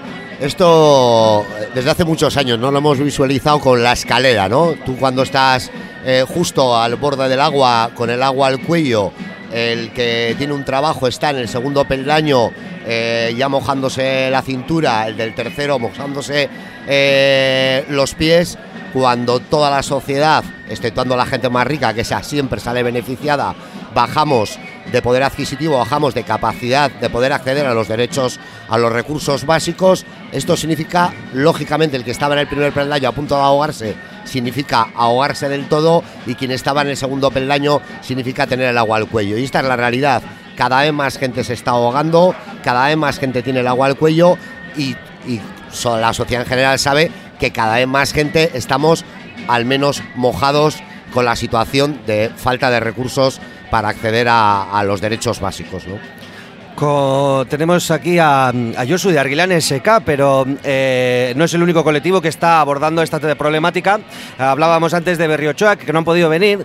Eh, bueno, pues lo dicho, pues quien quiera pueda contactar, pueda acercarse, pueda conocer sus, sus eh, reivindicaciones, pues sea como sea. Pero sí que tenemos también, por ejemplo, una participación grabada que nos han mandado desde la, desde la Oficina de Derechos Sociales de Bilbi. Eh, y nada, pues a ellas también les preguntábamos cómo ven un poquito la situación en cuanto al aumento de la pobreza. Y bueno, vamos a escuchar eh, lo que nos cuentan. Bizitzaren garestitzea krisi sistemikoaren beste ondoretako bat da. Ekoizpen kapitalistaren ereduak bizirauteko eta bere metaketa bermatzeko gure bizitzetako eta planetako espazio gehiago ustiatu behar ditu. Eta beraz, krisiaren eragina gero eta leku gehiagotara iristen da. Gero eta sakonagoa izanez. Izan ere gero eta gutxiago geratzen baita arpilatu eta esplotatzeko. Horrek zer esan nahi du kaleko bizitzari dagokionez? Prekarietate gehiago, pobrezia, babes sozialeko sistemen menpekotasuna, kontutan izan behar da hauek patriarkalak eta rasistak direla. Oinarrizko ondasun eta eskubideak eskuratzeko zailtasun gehiago. Gaur egun soldatapeko langile izatea ez da progresia saihesteko bermea. Esan beharrik ere ez dago zaurgarritasun baldintza horiek egora larriago batean eragiten dietela emakumei, pertsona migratuei edo pertsona arrazalizatuei. Migrazio politika rasistek oso testu inguru, oso zaietan jartzen dituzte pertsona migratuak eta Europako mugei bizirauten badiete, prekarietatea, pobrezia eta fiskalizazioa izango dira zeharkatu, beharrezko hurrengo hormak. Hain zuzen ere, kolektibo hau lauetatik ateratzen du kapitalismoak errenta, errentagarritasun handiena bere krisitako fasetan. Bueno, y siendo esta la situación, como habías mencionado antes, ¿no? De que cada vez más gente está ahogándose, ¿no? Y cada vez más gente empieza a mojarse la, a mojársele las pantorrillas. eh, podemos imaginar que esta situación se se traduce ¿no? en mayor demanda de prestaciones sociales. Eh, ¿Cómo está? ¿Cómo estáis viendo vosotros el panorama? Pues ese dato es un poco engañoso, eh, curiosamente. Eh, las prestaciones tuvieron su tope máximo en el 2016, eh, han ido bajando eh, después de la crisis del 2008-2013, han ido bajando y por un, un sistema absolutamente agresivo de la Ambide están consiguiendo que las cifras no suban. Pero claro, esto no significa que no hay pobreza, es decir, eh, para mí hay un dato muy significativo. ¿eh? Eh, el 54% de las personas que acceden a la RGI no salen de la pobreza. A pesar de estar en el sistema, no salen de la pobreza. Esto es lo de la voluntad política que hablábamos Mm. antes, ¿no?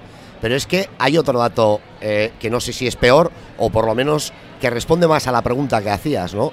El 30% de la gente que tiene una situación de pobreza no puede acceder a la RGI y no puede por los requisitos, por el sistema de expulsión del propio Lambide, por la manera que tiene de gestionar el gobierno vasco a través de Lambide para expulsar a esta gente del sistema. Y no lo decimos nosotras y nosotros, lo dice la propia Idoia Mendía cuando admite que hay 30.000 personas que tienen derecho a cobrar la RGI y que no acceden. Y nosotros le preguntamos, por qué el gobierno vasco, la Ambide, no se pone en comunicación con estas 30.000 personas que saben sus nombres y apellidos para decirles ustedes tienen derecho, acérquense aquí, porque no le, interesa, no le interesa el sistema. La realidad es que los datos dicen que hay más gente que nunca que tendría que acceder a la renta de garantía de ingresos, que tendría que acceder a la lucha contra la pobreza. Pero la realidad es que la Administración se preocupa de que la situación sea la contraria. Cada vez más gente expulsada, cada vez más gente con dificultades de acceder. Se está cociendo además una reforma de la RGI, eh, eh, lo de la renta básica y el ingreso mínimo, pues olvidémonos. ¿Qué, qué, cómo valoramos esa reforma de la RGI que se está cociendo? Pues el problema es eh, cuando tú sabes y admites en tus encuestas esta situación que acabo de contar de, de, eh, de miles de personas que no acceden y de miles de personas que a, a pesar de acceder siguen en situación de pobreza, que sabes que la situación de pobreza en Euskadi afecta a más de 180.000 personas y haces una reforma en la que no cambias el fondo, y creo que se va a entender muy bien, en cómo está computada económicamente esta nueva ley, es en gastar exactamente lo mismo que se gasta hoy. Con un elemento mayor todavía, que es que además por vía cupo se van a, ahorrar más de 40.000 millones por vía del IMV. Es decir, el gobierno vasco va a gastar mucho menos dinero en lucha contra la pobreza y nos quieren convencer que esta ley sí va a acabar con la pobreza. No. Pero no solo por el dato económico claro de que no hay voluntad de invertir más en la lucha contra la pobreza, sino es que además mantiene los elementos eh, que hacen que el sistema sea ineficaz. Siguen manteniendo el concepto familiar como concepto de referencia, siguen exigiendo no solo los mismos requisitos, sino más requisitos que la ley anterior. Además, se criminaliza la pobreza de una manera brutal, brutal, metiendo una policía de la Ambide, algo que no ha existido nunca en el sistema de renta de garantías en Euskadi, de 25 personas, que si eso lo exponenciáramos a la lucha contra la contra la contra la- el fraude fiscal deberían ser miles, miles de personas controlando la fiscalidad y sin embargo eso no es así, ¿verdad? Cuando realmente donde hay un fraude fiscal importante es en, el fraude fiscal y el fraude admitido en la renta garantía de ingresos es absolutamente ridículo, de un 0,3, eso sí, con portadas en los periódicos. Mencionabas responsabilidades políticas, institucionales y también concretamente la Ambide como un agente que está intentando ahogar mediante unos procedimientos que son, bueno, porque son una tortura directamente. De eso también nos hablaban las compañeras de la plataforma de, derecho, de la Bulego de Derechos Sociales de, de Bilbi en ese segundo audio. Vamos a escuchar lo que nos decían. Evidentemente, cuanta más vulnerabilidad hay, más dependencia a los recursos y sistemas de protección social se da, pero no hay una relación directa entre mayor demanda y mayor fortalecimiento de la red de protección social. Más bien al revés. Los sistemas de protección social aplican criterios racistas y patriarcales, fiscalizan la vida de las personas pobres a cambio de ridículas prestaciones que no se ajustan a las necesidades materiales reales de las personas, como, en el, como es el caso de la RGI o el IMV. Estas prestaciones son herramientas de control social, como los propios servicios sociales. Te obligan a atravesar una gincana burocrática administrativa que no tiene en cuenta ni qué idioma hablas, ni tu nivel de alfabetización o si tienes una diversidad funcional, con el objetivo último de que te incorpores a un mercado laboral precario y abusivo. Ser pobre genera más vigilancia sobre una misma que ser el principal accionista de Iberdrola. Estas son las situaciones que ahora mismo nos encontramos en la asesoría de derechos sociales con más frecuencia, ¿no? Dificultades para traducir las exigencias de la ANVIDE, para interpretar las exigencias de la ANVIDE y demanda de apoyo para hacer frente al régimen sancionador de esa institución que genera una gran cantidad de deudas sobre las personas perceptoras por desconocimiento de sus derechos o dificultades derivadas de, de esos problemas de alfabetización, idioma, diversidad funcional, etcétera. Bueno, y tras escuchar la aportación de las compañeras de la Oficina de Derechos Sociales de Bilbi, de Bilbao la, Vieja, eh, queríamos pasar a, bueno, ya por, por nuestra parte, por lo menos por ir terminando, a movilizaciones o demás convocatorias que, bueno, que hayáis estado llevando a cabo hasta ahora y que tengáis previsto realizar en un futuro, dada la situación.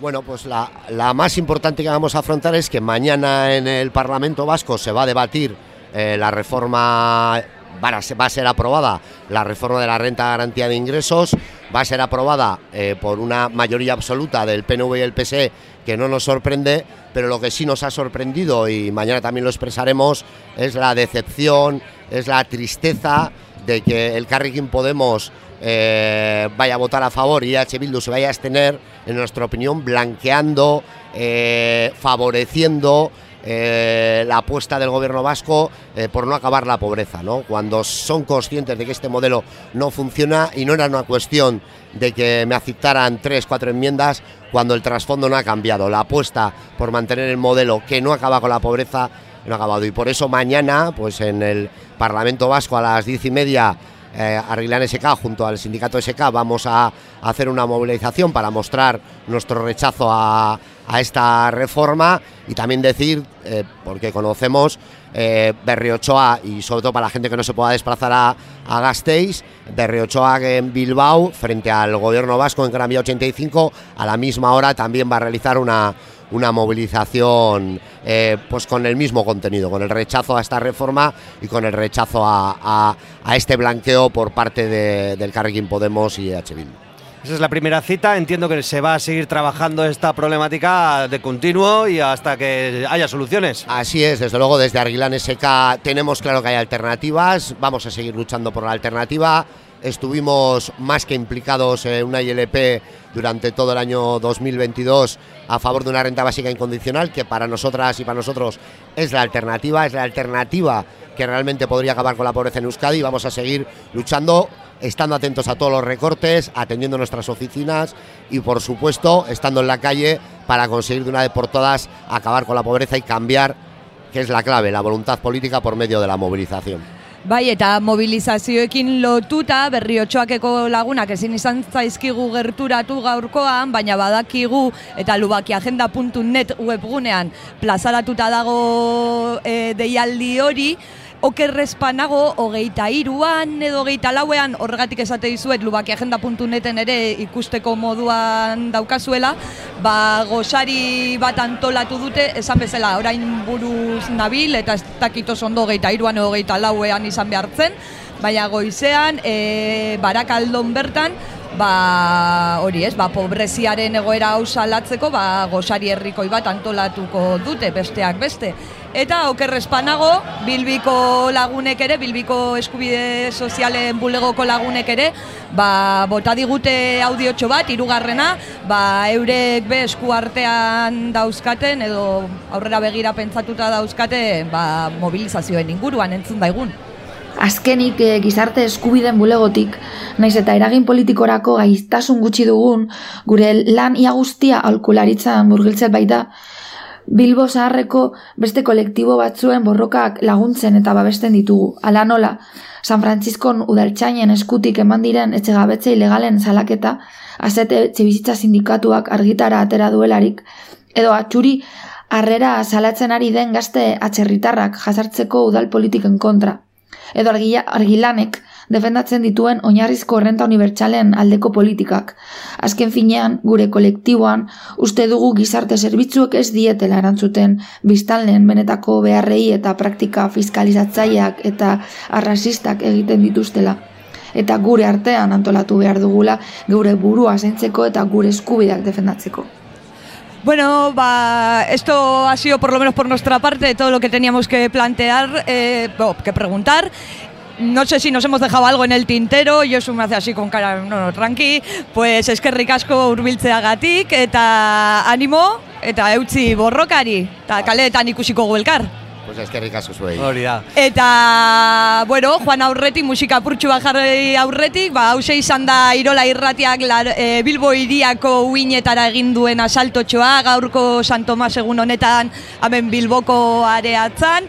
E, bueno, ez da esan gure asaltoa bakarra, ze hemen ere badaukogu e, zainbat ba, protestaren batzuk, hemen alboko estenatokikoak ere, uinak Frogak asaltatzen. Bai, jendetza ere badator, musikariak pasatzen dira alde batetik bestera. Esan diguten ez orain txalapartari batzuk egongo dira, así que datozen minutuetan pues musika jarriko dugu eurei ez molestatzeko, edo eurekuri ez molestatzeko.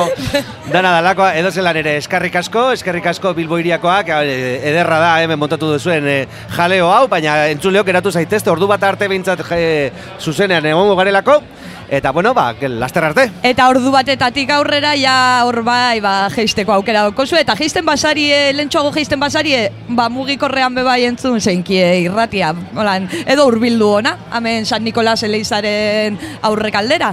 Eta apur ba, publiko lan... Kuku egin eta agurtu. Bai, zale amorratu, amorratuena egin. Gero arte. Agur.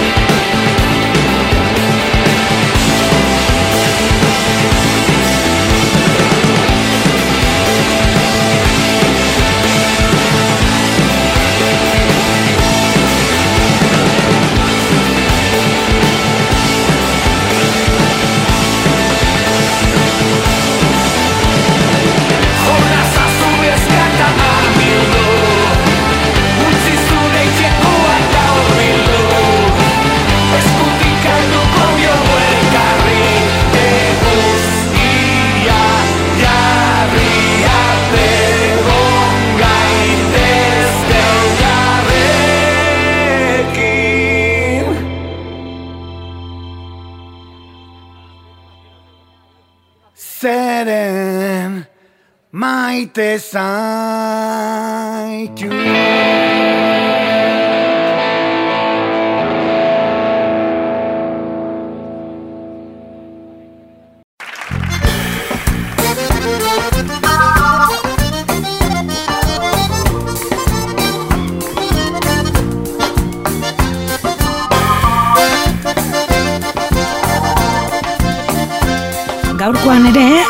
Tartean teatroak eta Cafe Bar Bilbauk, e, bueno, ba, antolatzen duten antzerki laburreko sariketaz jardungo dugu, izan ere, hogei garren ediziora iritzi da, eta horretarako, ba, bide lagun, beste behin, ba, Mikel Martinez aktorea daukagu, haupa, Mikel, egunon.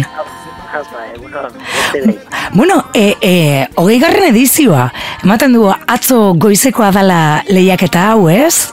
Bai, bai, ematen du atzo goizekoa dela hainbeste gauza, baina denbora pasatzen da bai.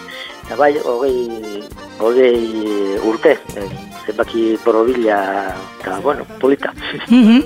Bueno, erasume batean abiatutako lehiaketa da, baina bueno, lehiaketa honelako lehiaketak askotan ere gero galdu egiten dira, baina zuek, e, bueno, ba, ba, Cafe Bar Bilbauk eta baita ere tarteanek, ba, postua egin duzu ez, e, testu gintzerako ez, e, sortzeko, eta hori hori da agian lehiaketa honen helburuetako bat, ez? Bai, e, hori da, helbururik principalena hori da. E, antzerkian, beste gauza, azotan bezala, ba, hasta que erderaz esaten da donde no hay pata, donde no hay mata no hay patata. Bueno, batzutan e, e, matari gabe ere, pues patatak asmatzen dira horrela ez dakit e, ordenagailoen bitartez edo baina fin, kontua da dramaturgia edo testua edo horrela pues antzerki obra batean edo ba, bueno, oinarrizko gauza bat dela oso oso importantea, ez da, eta hor e, ba, ez dakit obraren zarrakazten edo obraren kalitatearen e, neko handi handi bat horretan da. Eta, bueno, antzerke idaztea, ba, ez da, inerreza, esan edut batzutan, e, e, batzutan badaude idazleak dramaturgoak edo kontakto estuan daudela antzerkilariekin, antzerki talde batekin, eta horrela, eta, bueno, ba, errezagoa da, hau idazten ari naiz, ba, baki dauek egingo dutela, eta gaina idazten ari naiz hauek eskatu diatelako, eta idazten ari naiz ba, haiekin batera danean, ba. Baina gero, ba, gode beste dramaturgo batzuk, ba, bueno, pues, zaukatenak, eta etxean e, de, de, batzuz, hain kabuz edo, pues, japitzeko, e, idazteko gogoa gian, eh?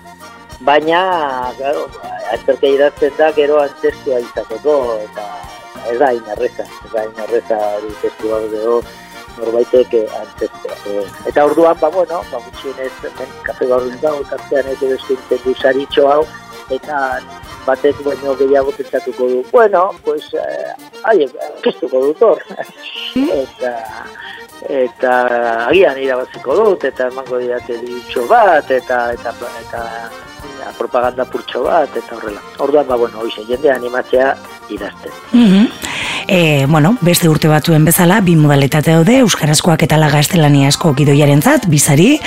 E, antzerlan, laburrak e, izatea eskatzen da, hau da, horrek ere erreztasun bat du luzeeran, baina bueno, ez edukian, ez? E, azkenean laburretan ere asmatzea da importanteena, ez? Ja, beti da importantena asmatzea, edo zen generotan, edo zein tamainotan, eta eta denetan.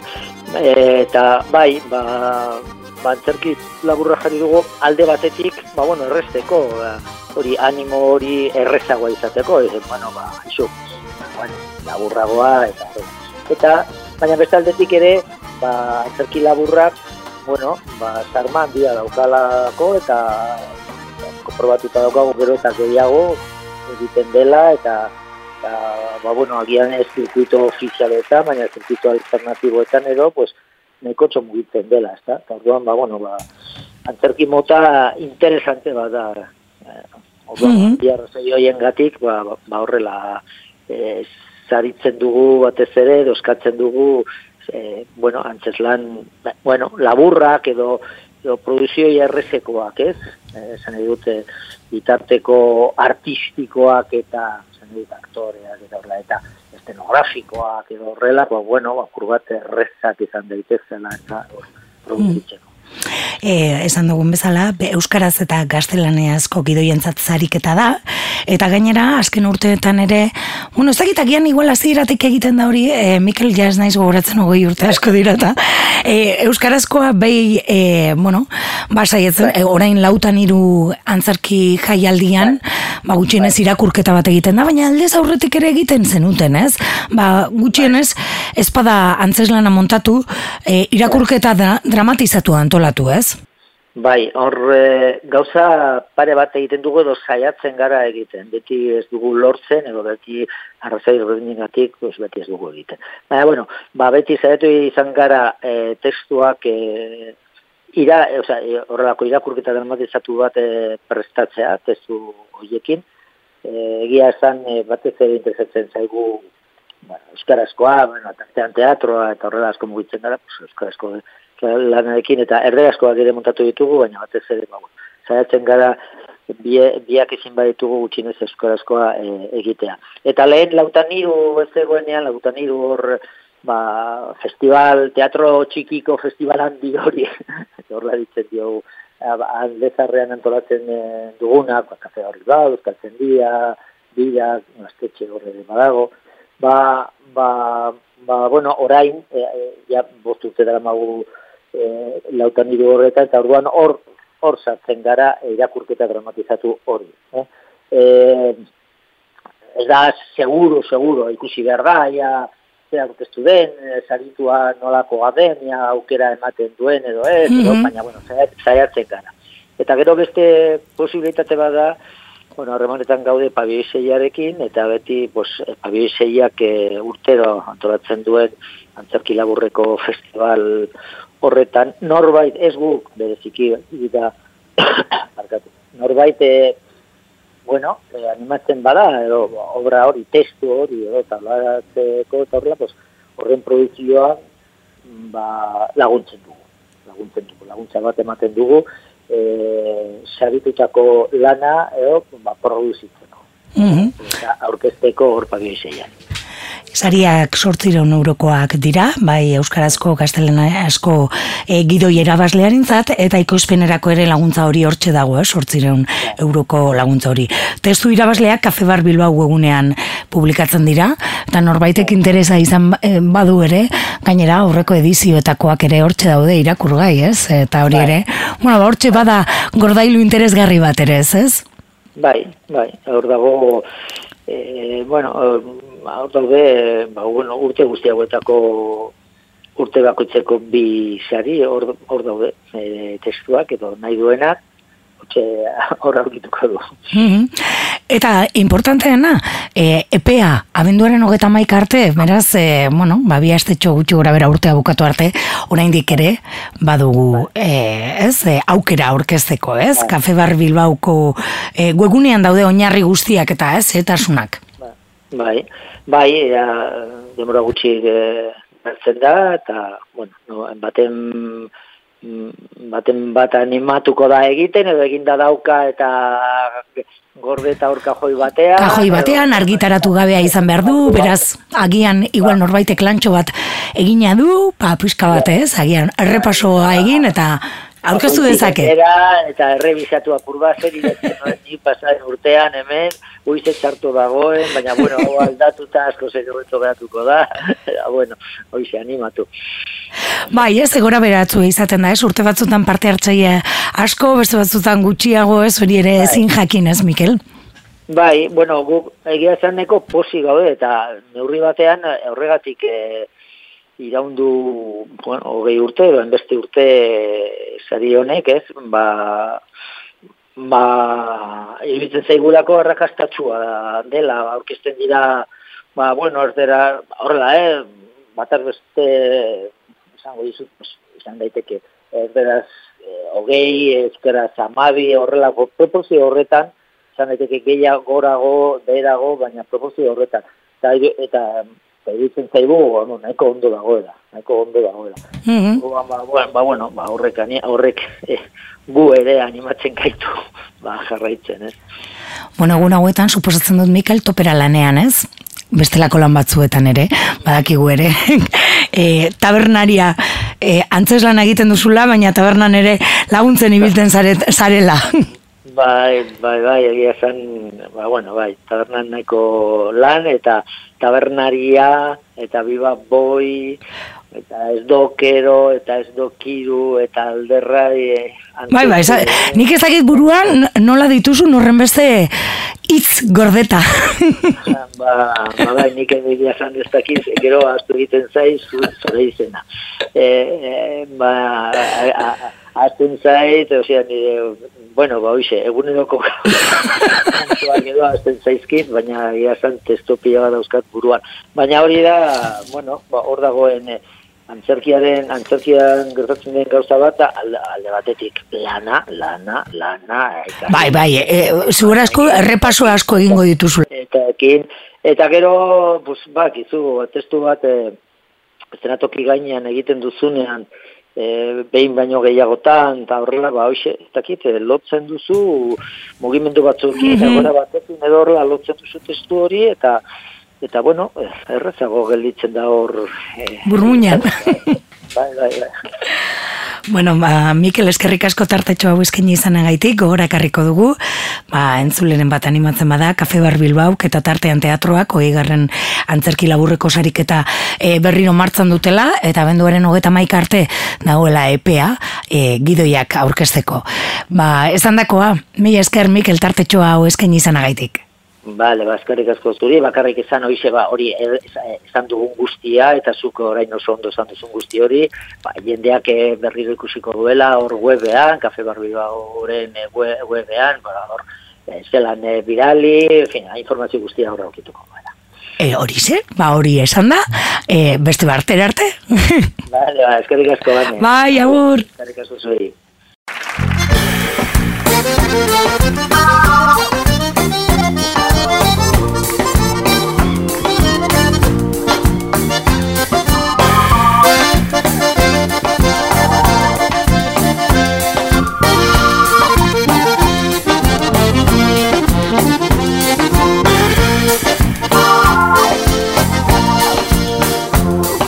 Zenbat lurralde ditu gaur Euskal Herriak? Zenbat lurralde ditu gaur Euskal Herriak? Euskadik adina bai balitu erdiak. Euskadik adina bai balitu erdiak. Zenbat euskaldun ditu gaur Euskal Herriak? Zenbat euskaldun ditu gaur Euskal Herriak? Elirateke gutxi balitu erdiak. Herrirateke gutxi balitu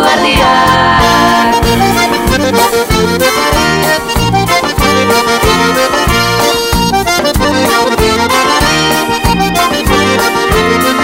aditu ditu gaur Euskal Herriak. Zenbat aditu ditu gaur Euskal Herriak. Ez dute luke hobe balitu erdiak. Ez dute luke hobe balitu erdiak. Zenbat aurkari ditu gaur Euskal Herriak. Zenbat aurkari ditu gaur Euskal Herriak. Herritarreko bosna balitu erdiak. Herritarreko bosna balitu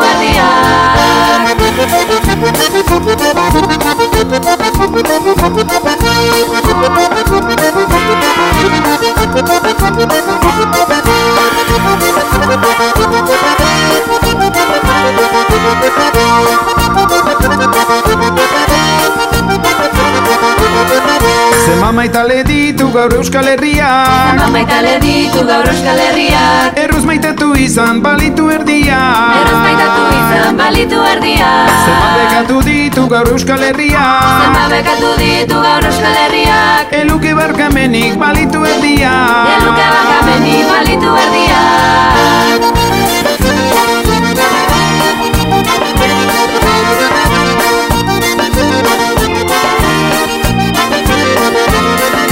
Zenbat gobernu ditu gaur Euskal Herria? Zenbat gobernu ditu gaur Euskal Herria? Behar baino gehiago balitu erdia. Behar baino gehiago balitu erdia. Zenbat arazo ditu gaur Euskal Herria? Zenbat arazo ditu gaur Euskal Herriak Asko xamar oraindik balitu erdia. Asko xamar oraindik balitu erdia.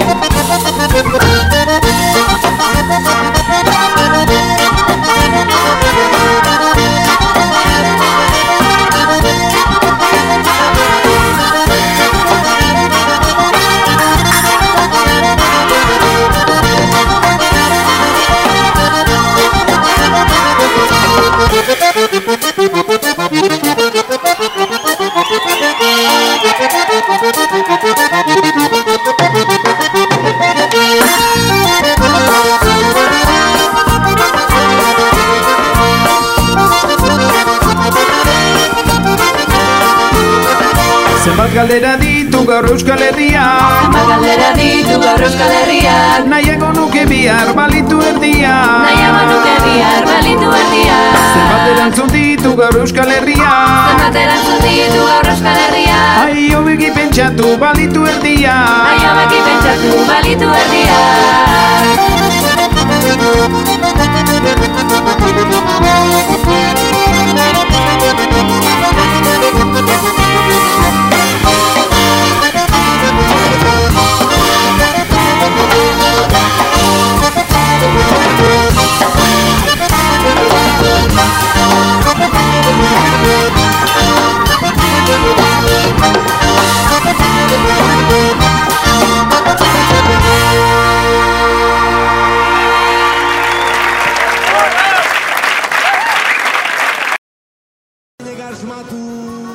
Tira balagunok txalapartaren eh, doinuak eh, lagundu, soinuak eta doinuak eh, lagunduta.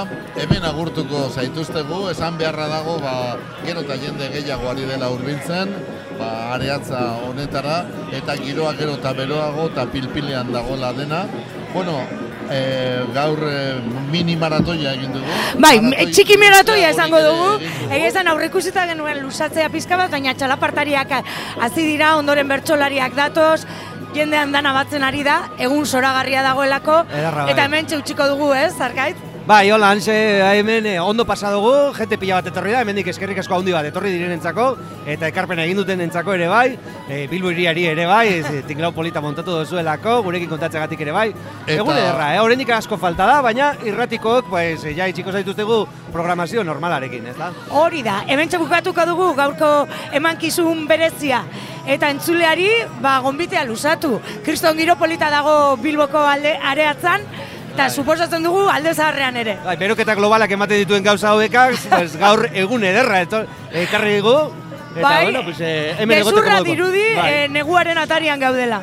Bueno, ba, Irola irratearen eta Bilbo hiri irratearen e, partaide guztion izenean, bezarkada handi bana gure entzulei, eta horixe, eh, mesua, ba, itor zaitezten, albaitarinen taloak agortzen ari dirata. Gero arte lagunok. Agur!